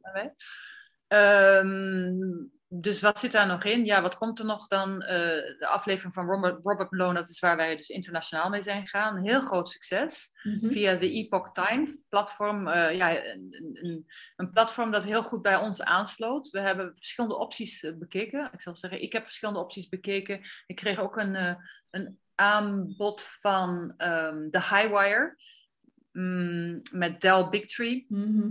Daar heb ik, dat heb ik overwogen voor tegenwind, voor headwind. Want we waren toen, we hebben de naam toen veranderd om internationaal te gaan. Ehm, maar ik vond een beetje dat, dat, dat, dat iets te veel ging naar die complottheorieën toe. En, en Del Bigtree is een notoire anti-vaxxer. Wat ik een trouwens afschuwelijk woord vind. Ja, ja, Maar ja, ja. hij, hij spreekt zich wel heel erg uit. Niet, ik geloof niet alleen tegen het COVID-vaccin. Nou ja, ik, ik ga mij daar niet eens over uitspreken wat ik denk over andere vaccins. Mhm. Ik vind dat ook niet nodig, want daar gaat het Nee. nu niet over. Nee. Maar ik vond wel, wij moesten wel een beetje uitkijken van ja, waar in welk, hoe worden wij geparkeerd en wat past het beste bij ons. En de Epoch Times heeft ook een agenda. Het is moeilijk om alternatieve media te vinden zonder specifieke agenda. De agenda van de Epoch Times is heel anti-China. Eh, niet anti-China, sorry, rephrase. Anti-CCP, andere anti-communistische partij. Mhm. China. Want het zijn mensen die zijn gevlucht uit China, waar ze geen vrijheid van meningsuiting hadden om te doen of te zeggen wat ze wilden. En die zijn naar Amerika gekomen, hadden veel geld om te investeren en hebben die Epoch Times opgestart. Eh, Joe Tang, denk ik dat hij heet, de man. Maar in ieder geval, die mensen hebben dus ook een agenda. ehm, Anti-communisme, laat ik maar zeggen. Maar ik denk wel bij mezelf, ja, nou, dat, dat sluit wel aan bij mij. Dat sluit aan weer bij Vooral voor vrije meningsuiting. Ja. Geen stem krijgen. En dan, en dan ja, dat, dat, dat daartegen vechten. Dus, dus voilà, ze we zijn gelanceerd met Robert Malone op de Epoch Times. Eh, miljoenen views. Eh, Het regent ook views bij mij op mijn persoonlijke website. Dat is grappig, want ze vinden je dan toch. Dat is, eh, en, en heel mooie commentaren. Heel goede, goede reacties. En daar verschijnt dan ook nog daar, ehm, Geert van den Bosje, ehm, die geïnterviewd door Alain in het Engels. En dan hebben we een verrassingsbezoek gehad van Matthias de Smet hier ook op de Finca nog, op mijn Finca. ehm ten tijde van dat Robert en Geert hier waren. Dus we hebben dat voor elkaar gekregen. We hebben Matthias Ah, Matthias is een big star in Amerika. Hè, met ja, zijn ja, ja. Mass Formation. Inmiddels omgedoopt in Amerika tot Mass Formation Psychosis. Waar hij helemaal niet blij mee is. En ik kan me dat ook heel goed voorstellen. Want een psychose, ja, dat is een label, hè, tak. Je bent psychotisch. Nou, ik vind het ook dubieus. Maar het is per ongeluk, eh, zeker niet met de kwaaie wil, zo gelanceerd door Robert Malone. Die een miljoenen publiek heeft en miljoenen volgers. En dus Matthias is in Amerika op de kaart gezet. En, en, en ja, wij vonden het wel heel interessant om dan hem naar hier te brengen en eh, te laten praten met Robert Malone en Geert van den Bosje. En dat is ook heel goed gelukt. Dus daar komt nog een ronde tafelgesprek uit en, eh, en het interview met Geert. En dan is voor mij de kous af. Want dan ga ik, ik ga mijn eigen weg. Ik heb het ook heel druk met mijn eigen ehm, Finca en, uh, en Travel Don Carmelo. Hè? Finca Don Carmelo, Travel Don Carmelo, dat, zijn, is mijn, mijn zaak. Maar ik ga daarnaast, zoals ik zei, uh, op zelfstandige basis, als het mij uitkomt en als ik een persoon interessant vind, ga ik uh, diepte-interviews doen voor, voor Flavio Pasquino van Blackbox.tv. Mijn grote held. Ik heb heel groot respect voor Flavio. Een zeer belangrijke speler in heel deze coronacrisis uh, in Nederland. dus ja, ik zoek dan een beetje weer aansluiting met Nederland. Um, en voilà, dat is, dat is wat ik ga doen. Uh, maar, en dat is dus wat er nog van tegen, tegenwind komt. Maar sowieso is, was er een, een, eh, een opnamestop afgekondigd al. Dus Headwind zou sowieso niks meer doen tot, uh, tot en met de komende zomer. Dus mm -hmm. voilà. Dus wat er mhm. daarna gebeurt, geen idee. Ik ben blij dat ik, uh, dat ik het op de rails heb kunnen zetten. En uh, now it's out of my hands. Ik wil zeker bezig blijven in, uh, in de journalistiek. En ik hoop ook dat, ja, dat, dat die alternatieve media die zijn opgericht door en onder druk van de coronacrisis en onder druk van hè, geen uh, stem vinden, in, geen stem krijgen in de mainstream, dat die ook langzamerhand hun eigen weg gaan vinden. Een beetje weg van dit thema. Er zullen altijd andere thema's zijn. Want, uh, want dat verdienen ze. Sommige mensen, zoals neem Joran Luca. Hè? Mm -hmm. uh, neem ehm, ja, de, de, de, zeg maar de platforms zoals uh, De Nieuwe Wereld of Café Weltschmerz. Fantastisch gewoon. Die mhm. verdienen het om, om verder te gaan, uit te groeien. En die verdienen het veel meer dan de, dan de legacy media. Hè? Zo worden de mainstream media in Amerika genoemd. Legacy media. Legacy, de, de, de erfenis. Maar wat voor een erfenis is dat? Het is mhm. gedaan. Ik heb aan het begin van de crisis gezegd over tien jaar gaan mensen heel anders met journalistiek om. Wij, het volk, gaan kiezen wie wij willen volgen. Ik vind Theo Schetters een interessante man. Nou, dan ga ik eens kijken. Wat zegt hij allemaal op Telegram? Um, je hoeft zelfs geen tussenpersoon meer te hebben. Jij mhm. kunt direct gaan kijken. Sukadi Bhakti, wat, uh, wat, wat is zijn mening over de coronacrisis? Hup, je gaat naar Telegram-kanaal of um, hoe heet het dat? Substack in Amerika, heel groot. Ja, ja. En daar heb je al hun, uh, al hun bijdragen en dan kies je er ook voor om een donatie te geven. En zo, dat, dat gaat het, uh, het, het zeg je dat, het, een abonnement op je krant gaat vervangen worden. Want die krant is ook maar een vergaarbak van wat die hoofdredacteur belangrijk vindt. Ja, en we zien bij de mainstream media dat uiteindelijk, dat is allemaal, dat zijn mensen die elkaar napraten, hè? je kent die filmpjes wel. Ja, ja, ja, ja, wat ze allemaal hetzelfde zeggen. Hè? Ja. Alles komt van Reuters, of in België dan België. Maar ja, het, het, is gek. De, allee, het, is, het is hallucinant. Dus ik, ik denk het ook. Allee, het is ook een e-, evolutie dat we zien dat alles veel... Eh, oké, je hebt twee evoluties. Hè. Je hebt inderdaad misschien het, uh, één evolutie die het graag allemaal globaal hè, willen zien. Hè. Eén groot geheel machtsbastion bovenaan. Anderzijds heb je natuurlijk het, het hele decentrale. Daar gaan wij voor strijden, als we dan mogen strijden. Uh, allee, en, en, en dat zijn dan voorbeelden inderdaad, dat, dat het, het hele decentrale, de, de middelman is die nodig, soms wel, soms niet. Hè? Maar als de middelman het uithangt en in ons geval hier nu geen, uh, censuur toepast en, en de vrije meningsuiting aan banden legt, ja, sorry, middelman eruit en dan gaan we zelf wel op zoek. En dat hebben we gezien ook nu de laatste tijd. Uh, en het is altijd wel handig als we, als we uh, neutrale, onafhankelijke mensen hebben die, die het voorwerk wat kunnen doen om te zeggen van kijk, dit is mhm. wel correct en, en, en dit niet. Als je het allemaal zelf moet doen, dan, dan, dan is dat uh, nogal wel tijd, uh, ja, dat is, dat is moeilijk, maar je ziet daarin ook dat mensen best wel lui zijn geworden. Want inderdaad, het kost wat moeite. Om, heel veel mensen zeggen tegen me, ja, maar hoe, hoe weten wij nou, hoe zien wij dan door de bomen het bos? En hoe weten we nou of iets betrouwbaar is? Ja, dat, dat kost tijd. Ja, klopt. Dat is waar. Maar welcome to the new world. Ja. Want ja, hoe zeg je dat? Ja, zo van die, maar, ehm, ja, growing up in, in new media. Je zult wel moeten, uh, je zult wel een beetje, ja, je moet, je moet wat wijzer worden en, en wat meer, je moet wat meer dingen lezen en niet maar één ding volgen. Als je alleen maar The Guardian leest, ja, dan lees je eigenlijk wat de overheid wil dat je leest. Nou ja, als mhm. jij daar blij mee bent, prima, maar dan, dat, is niet, dat is niet de wereld. En ik, ik, dat is mij ook in het begin wel eens gevraagd van, ja, hoe weet je dan eh, wat waar is? Nou, weet je wat één heel belangrijke tip is? Heel veel reizen. Mhm. Zodat je heel veel vrienden hebt en kennissen in andere landen. En dan heb je maar een, weet je, het kost niet eens meer een telefoongesprek. Je WhatsApp en je vraagt, hey, Kathleen, hoe is dat nou eigenlijk in Zuid-Afrika? Is het nou zo erg? Vallen de mensen daar dood? Uh, is daar zo'n uh, probleem? Komt Omicron echt uit Botswana? Ja, ik heb allemaal contact in Botswana. Ik heb allemaal contact in Zuid-Afrika. Ja, dan, als je daar een beetje betrouwbare mensen vindt, nou, dat, dat, dan, moet je daar, dan, dan kom je op je intuïtie uit natuurlijk. Hè? Of dat betrouwbare mensen zijn. Maar nee, maar dat mensen dat, ja. Ja, in ieder geval, hoe meer, hoe beter. Hoe meer contacten je hebt, hoe beter. En ja, dat, uh, daar moet je wel wat werk in steken of wat net, voor netwerken. Maar uiteindelijk, ja, het maakt het leven ook gewoon veel interessanter als je je, openstelt voor andere boodschappen. En dan komen we op wat, wat je daarnet zei. Hoe, hoeveel interessanter is het wel niet om ook andere meningen te horen? Hoeft niet ja. Ik, heb, ik ben ook, ik ben ook uh, hoe zeg je dat? Um, tegen mijn, mijn vooroordelen zijn ook ontkracht. Ik dacht, in India viel het allemaal wel mee. Uh, ik heb mijn yoga-trainingen in India gedaan. Dus ik heb heel veel yoga-leraar en vrienden daar.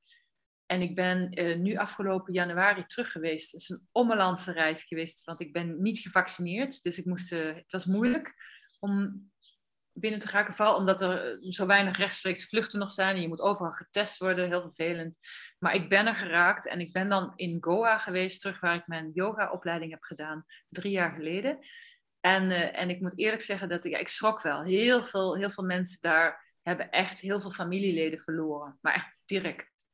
Mm mijn, mijn beste vriend, yoga-leraar, filosofieleraar, ja, is zeg maar een derde van zijn familie kwijtgeraakt. Dus dat is echt wel een probleem geweest. En dat, ja, ik ben soms ook maar ik ben niet de beroerdste. Ik, ik neem dat dan weer mee in mijn volgende, ehm, ja, hoe zeg je dat? Ik, neem dat mee in mijn, in mijn uh, besluitvorming over wat er nu precies aan de hand is geweest. Je moet ook niet net doen of er niks aan de hand was, snap je? Mm Aan de andere kant, Uttar Pradesh in India is vanaf het begin, heeft Modi, heeft daar de kaart getrokken, hè, de, de, uh, premier van, uh, van India, heeft daar de kaart getrokken van uh, ivermectine. Elke persoon die positief getest werd, nog niet eens ziek was, maar positief getest werd, kreeg ivermectine. En de hele entourage ook, familie ook.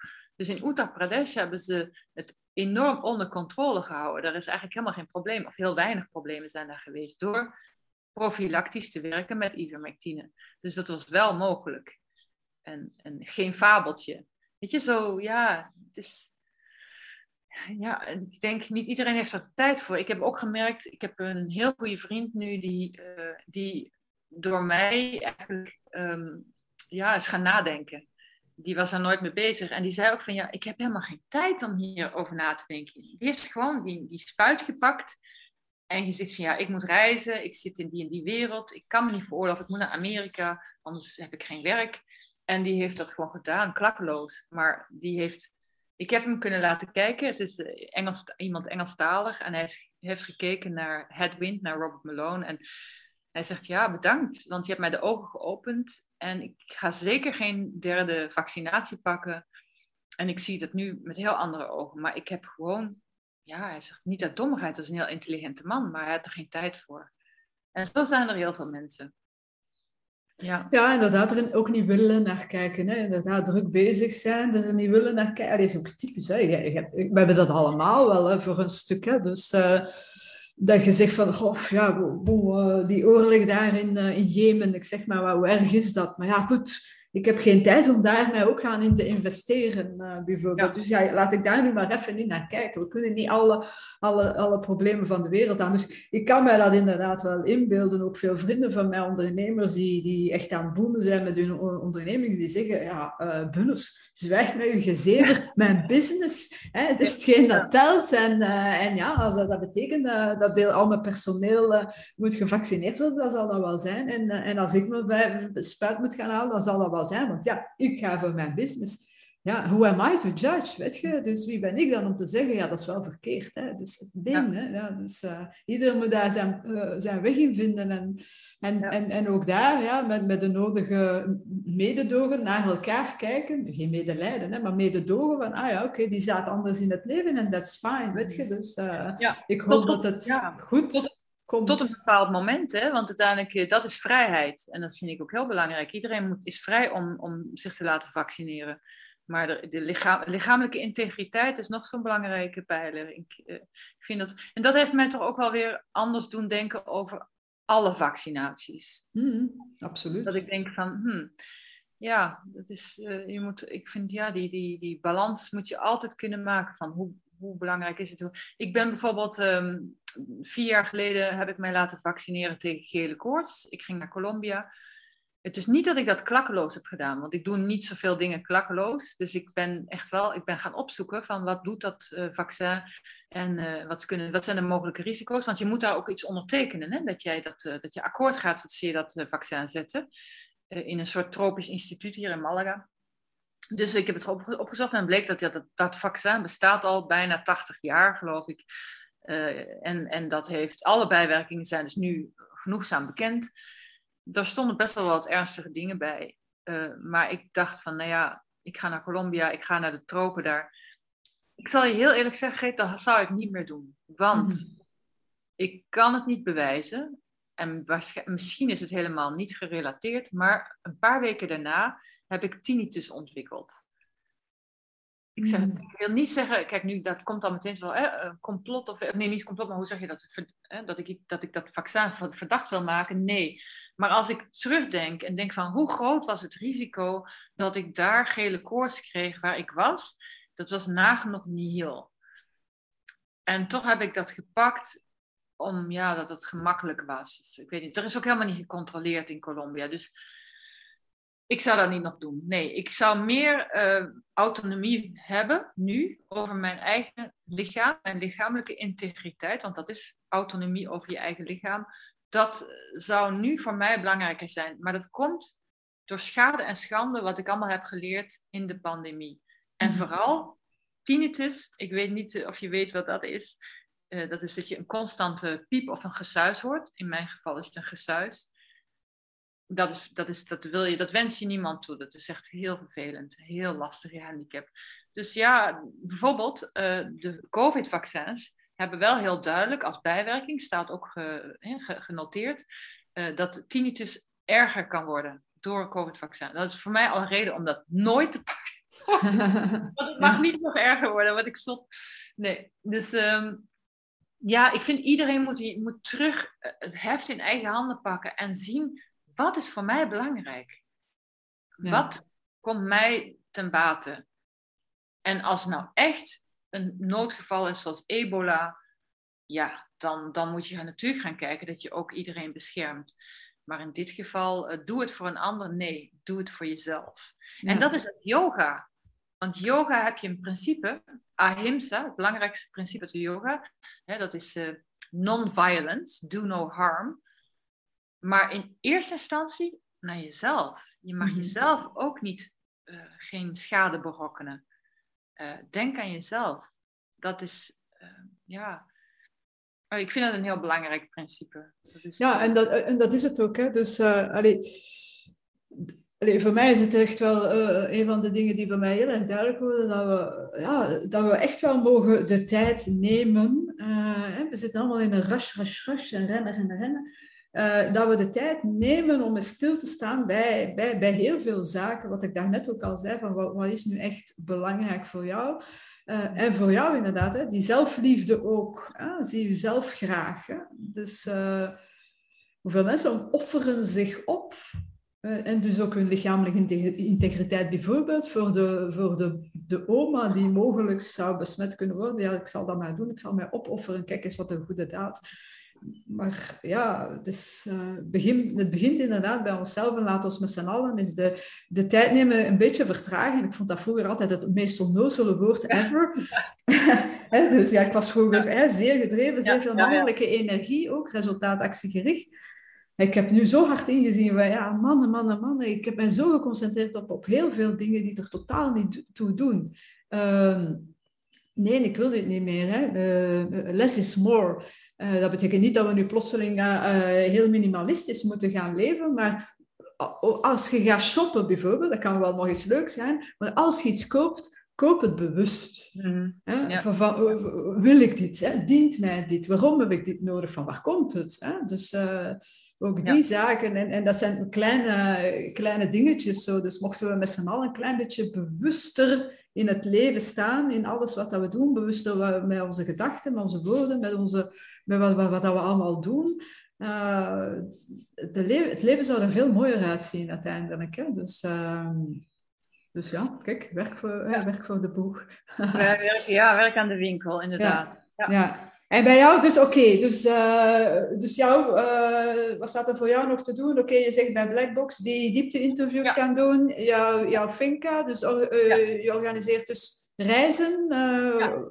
Ik vertrek, nou, ik weet niet wanneer jouw podcast verschijnt. Ja, ik ga hem relatief snel, omdat we het nu ook over, de, over gisteren en de uitreiking van de publiek, ik ga er wat voorschuiven, dus ja. Oké, nou, nou moest dit nog op tijd zijn. Uh, mensen kunnen nog mee met mij met, die, met een yoga zeilboot. Dus ik ben yoga lerares. Hè. Ik, heb, uh, ik ben senior uh, teacher opgeleid in India. Dus ik doe ook yoga retreats. Eerst volgende, daar ben ik dus eind mei. Ga ik naar Turkije voor een yoga zeilreis. heeft niks met corona te maken. gelukkig kan je naar Turkije met alleen maar een test. Dus dat is fijn. Misschien zelfs niet meer nodig, dat weet ik eigenlijk niet. Hier op de Finca kan je ook logeren ehm, in een, uh, in een uh, tiny farmhouse. Dat, dat, dat doe ik hier. En dat weet je wat heel leuk is? Dat, de, dat, dat er vooral mensen nu boeken die heel wakker zijn, die via tegenwind komen. Ja. En die komen hier binnen op de Finca en dat is meteen uh, un abrazo, hè? En niet van oeh, nee, echt nee, up, uh, wat fijn dat we weer, in het begin, zeker nu is het al een beetje gewoon, maar in het begin was het fijn dat we met iemand weer kunnen praten die ons niet verplicht om een masker op te doen en dat we ook geen vaccinatiebewijs moeten eh, voorleggen.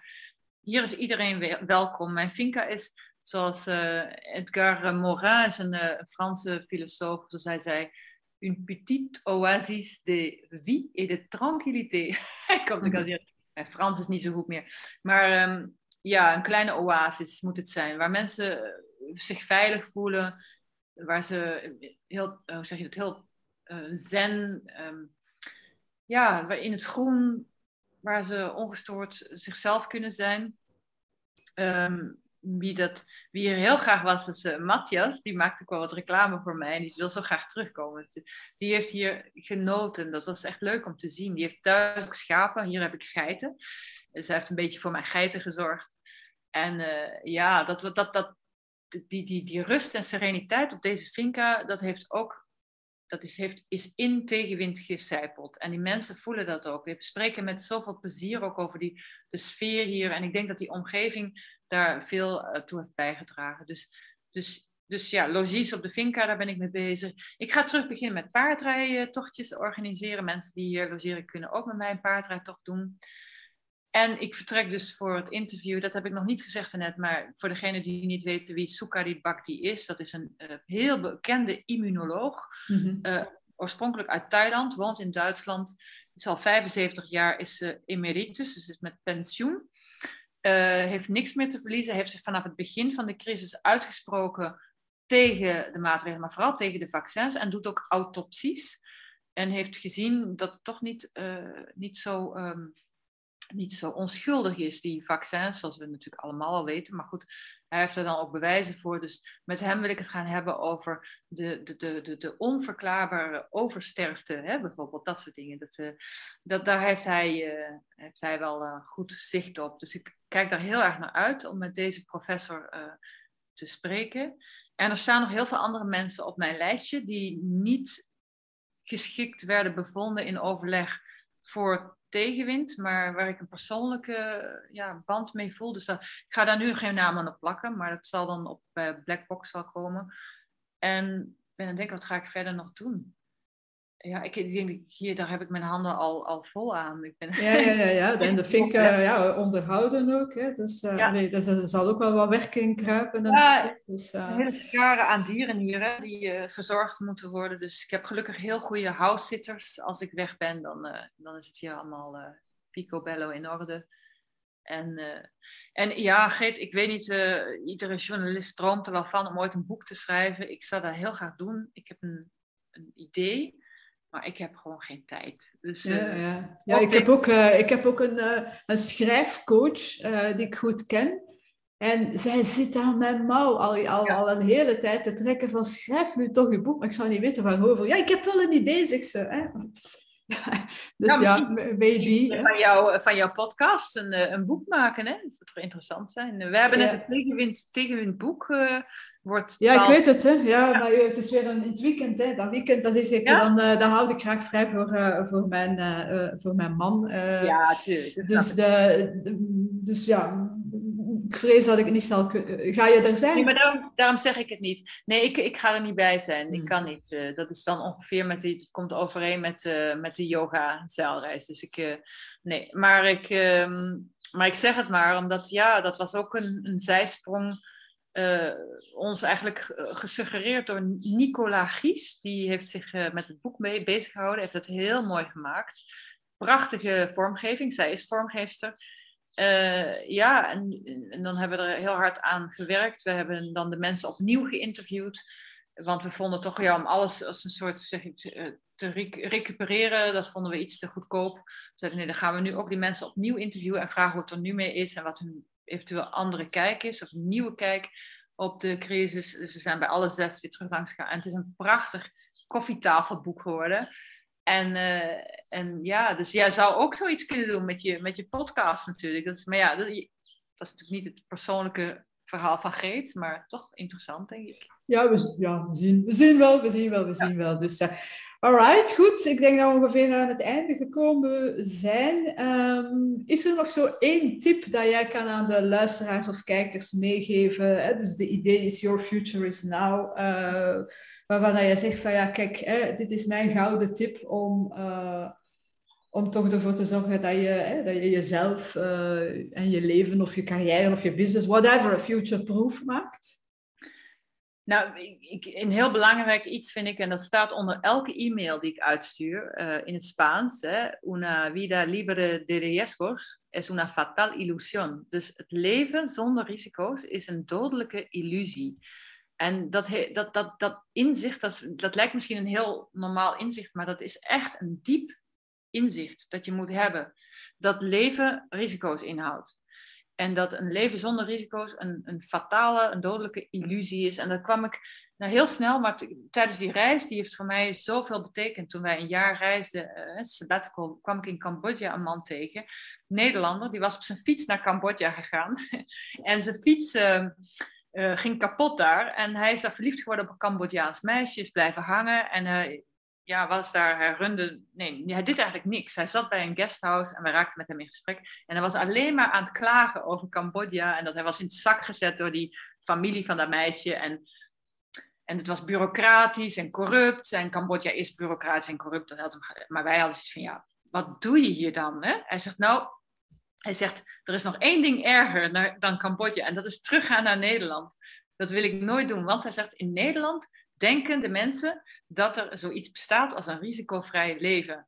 En die verzekeren zich hè, opnieuw van, van, een graf, van, een wieg, van een wieg tot een graf. Maar, zegt hij, ze zijn stom, want dat bestaat niet.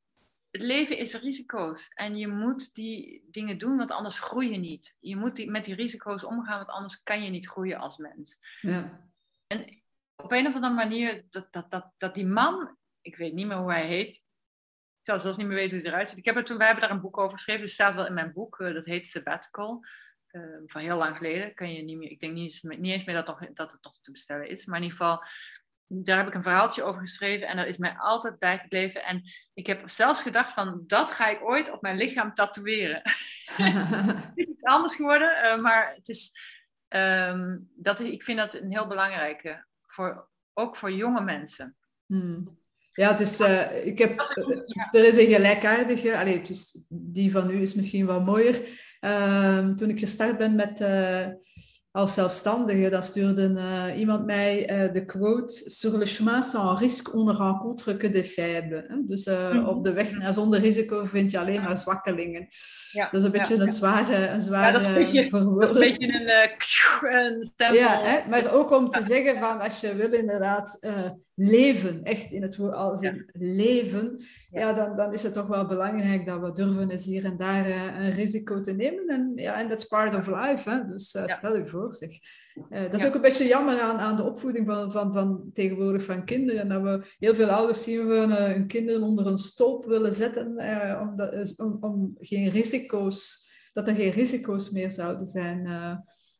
ik hoorde Michael Pilarczyk er ook nog iets over zeggen dat dat heel veel jongeren die hij vandaag tegenkomt, dat er heel veel twintigjarige uh, zijn met burn-outs. Uh, mensen die totaal niet bestand zijn tegen het leven, omdat hun ouders uiteraard uit met de goede intenties hen zo behoed hebben van, van risico's. Hè. En hij geeft dan die metafoor van het, het jongetje dat altijd binnen moet blijven, want buiten zou hij maar eens kunnen overreden worden ja. of uit de boom vallen of weet ik veel wat. En dan één keer hè, is hij oud genoeg om toch naar buiten te gaan, maar hij hij weet niet wat een auto is en dus uh, wordt hij overreden inderdaad. En dat is, is, eigenlijk een hele goede metafoor voor, voor, voor heel veel mensen die denken, uh, zeker voor dan jongeren en kinderen, maar ook voor zichzelf, als ze denken van ja oké, okay, het leven is zonder risico's en ik, ik, ga me volledig verzekeren. Als dan een plotseling uh, je in een situatie komt waarbij dat die verzekering niet meer werkt, mensen zijn daar niet bestand. En Greet, je kan, je kan dit mooi doortrekken op, op wat wij doen met ons lichaam. Hè? Wij, wij hebben onze immuniteit gecompromitteerd door altijd met die maskers op te, te gaan, door binnen te blijven, ons niet, te, niet met mensen, geen omhelzingen te geven. Je immuunsysteem moet je ook trainen. Hè? Hetzelfde. Ja. Dus is ook een klein risico dat je altijd pakt. Wim Hof doet dat geweldig met die intermittent living, uh, af en toe in, uh, in een ijsbad. Je moet jezelf sterker. What doesn't kill you makes you stronger. Je moet die risico's blijven aangaan. Dus eigenlijk een heel mooie vergelijking met je immuunsysteem. Hè? Want als je je altijd beschermt, de boy in the bubble, en je komt buiten, nou dan heb je het vlaggen. Dan word je meteen ziek. Je moet je, ja, je moet je een klein beetje blijven harden. Maar daar moet je een balans in vinden. En wat je zegt is waar. Ik noem dat de achterbankgeneratie. De kinderen die overal door hun ouders naartoe werden vervoerd. Dat het was in onze tijd niet. Wij moesten dat klinkt echt als een oude zak natuurlijk. Maar wij moesten, moesten 12 kilometer per dag, eh, dus 24 kilometer fietsen per dag naar school. Ik mocht niet met de bus, tenzij het echt noodweer was. Nou, dat was eigenlijk zelden, want mijn ouders zeiden nooit van nu is het noodweer, regen, wind, ga maar op de fiets. Ja, dat maakt je strong, strong sorry, dat maakt je sterk. Het geeft je ook ballonkuiten. maar uh, ja, weet je, uiteindelijk, ik ben daar niet slechter van geworden. Uh, ja, maar dat geldt op alle vlakken. Hè? Dat je ook je, je, je, een baantje hebt, dat je eigen, in je eigen onderhoud voorziet, dat je misschien, uh, dat je misschien kleedgeld krijgt, zodat je zelf eens weet hoe dat is om met geld om te gaan. Al die dingen. Ja, we hebben toch wel een generaties van, van soort van kastplantjes gekweekt. Dat is, dat, is lelijk, dat is lelijk, want het is ook zeker niet, ik wil niet generaliseren, maar het is wel zo dat het toch een goede zaak is, denk ik, dat ook jongere mensen leren dat, dat, dat, dat, ja, dat je leven, dat risico's het ook spannend maken. Dat het geeft ook een, ja, een energie. Mm Absoluut, prana, absoluut. De prana moet, moet flowen, de levensenergie moet dat stromen. Is waar. Absoluut, ja. absoluut. Alright, goed. Uh, is er nog iets dat jij zegt van ja, dit wil ik nog even meegeven? Dus... Uh, ik ben aan het denken, nou, als ik een klein beetje reclame mag maken. Ik weet dat het eigenlijk niet not done is, maar ik wil zeggen, nou, ik zei het al, iedereen op mijn Vinka is welkom. Um, ga maar eens kijken als uh, mensen zin hebben om te zien wat ik doe. Want dan kan je zien op uh, vincadoncarmelo.com. Ja, dat wou ik toch sowieso vragen. Hè? Waar ja, kunnen mensen jou bereiken? Nou, ja. vind ik heel fijn. Um, en voor de rest, wat wil ik nog zeggen? dat, ja, nou ja, misschien wel heel belangrijk, dat het, we zijn er nog niet. Het is mm -hmm. allemaal losgelaten, de maatregelen. Uh, ik, wil, ik ben geen doemdenker hoor, helemaal niet. Maar laten we voorzichtig zijn met hard juichen van nu kan en mag alles weer. Laten we zien ook wat, welke rechten zijn ons afgepakt en welke krijgen we daarvan terug. Um, En, en ook de hysterie die wij hebben tentoongespreid in de coronacrisis, gaan we die niet nu, nu op iets anders richten. Bijvoorbeeld de oorlog in de Oekraïne.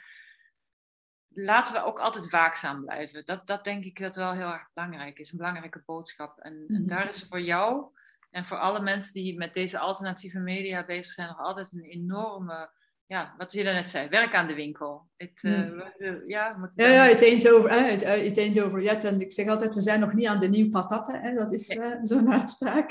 Dus, oh, dat, dat, dat, is een, dat is een mooie cirkeltje rond, die nieuwe patatten van Magal Gemaal. Voilà, kijk, zeg, voilà. we zijn nog niet aan de nieuwe patatten, maar we zijn er voor elkaar. We zijn niet alleen en dat vind ik ook een hele belangrijke boodschap. Het zal misschien nog wel wat lastig worden, uh, maar uh, het feit dat we weten dat er echt wel heel veel uh, mensen zijn uh, om ons heen die toch wel ook mee zijn en die echt warm van hart zijn, dat geeft ons inderdaad ook wel moed. Dus, Ongelooflijk, ja. Yes, alright. Dat, dat ik jou heb leren kennen, heb ontmoet nu op deze manier. Ja, nog niet live, hè, maar dat komt nog... Nee, maar ik, het geeft mij wel zin om eens af te zakken naar, naar de Finca. Misschien moet ik wel eens, want wat heeft mij opgevallen is de laatste weken, maanden ik had vroeger iets tegen uh, de vrouwenclubjes. Zo, hè? De vrouwen, oh, ja, ja. Hè? Ik, ik, eh, en, ik vond vroeger altijd, ja, vrouwen, dat, is, hè, dat, dat bitcht en dat, dat, dat, dat roddelt. En uh, ik heb nu gezien, die afgelopen uh, paar weken en maanden, hoeveel liefde en steun ik gehad heb van echt fantastische, mooie vrouwen. Ik, en, ik ook, ja, ik ook. Ja, en het is echt iets, het is echt alsof de vrouwen opstaan om elkaar te helpen. En ach, ik word er weer emotioneel van. Dus uh, ik zou misschien wel eens graag iets organiseren met vrouwen.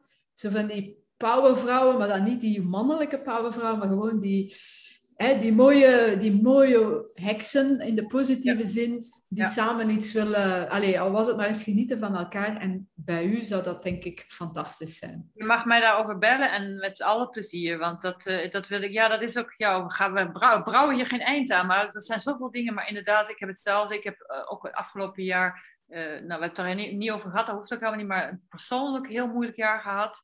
Hè, met een echtscheiding. Ik was niet getrouwd, maar wel 24 jaar samen. Dus het is altijd een heel moeilijk proces geweest. En wat heb ik een steun gehad aan goede vrouwen, vriendinnen. Ja, mm dat is, uh, en ik was net als jij, nooit een, een vrouw, een vrouw, ook geen man, een vrouw trouwens, maar ik had niemand nodig. Maar uh, nu merk ik van hoe prettig dat is. En zeker met een bepaalde leeftijd. Dat je een mhm. bepaalde fase bent door, hebt doorlopen. Wat een, wat een enorme inspiratiebronnen zijn sommige vrouwen. Inderdaad, nee.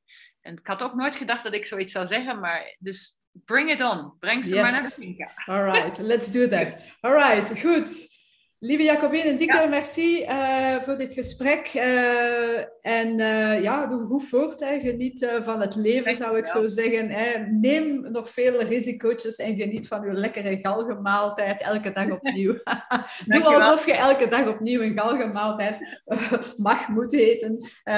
dat is misschien een goede, een goede nog op, inderdaad, om te eindigen. En voor de mensen die gekeken of geluisterd hebben, vond je het leuk? Deel het zeker met mensen die er baat bij kunnen hebben. Geef ons een thumbs up, abonneer op de kanalen. En als je zin hebt, uh, mag je ons ook altijd steunen. Ik doe dit hier allemaal naast een, een belangrijke, een drukke dagtaak, maar met heel veel plezier, want we mogen echt wel de positieve vibes en de good vibes blijven verspreiden. Dus, uh, alright. Lieve mensen, tot de volgende. Bye bye.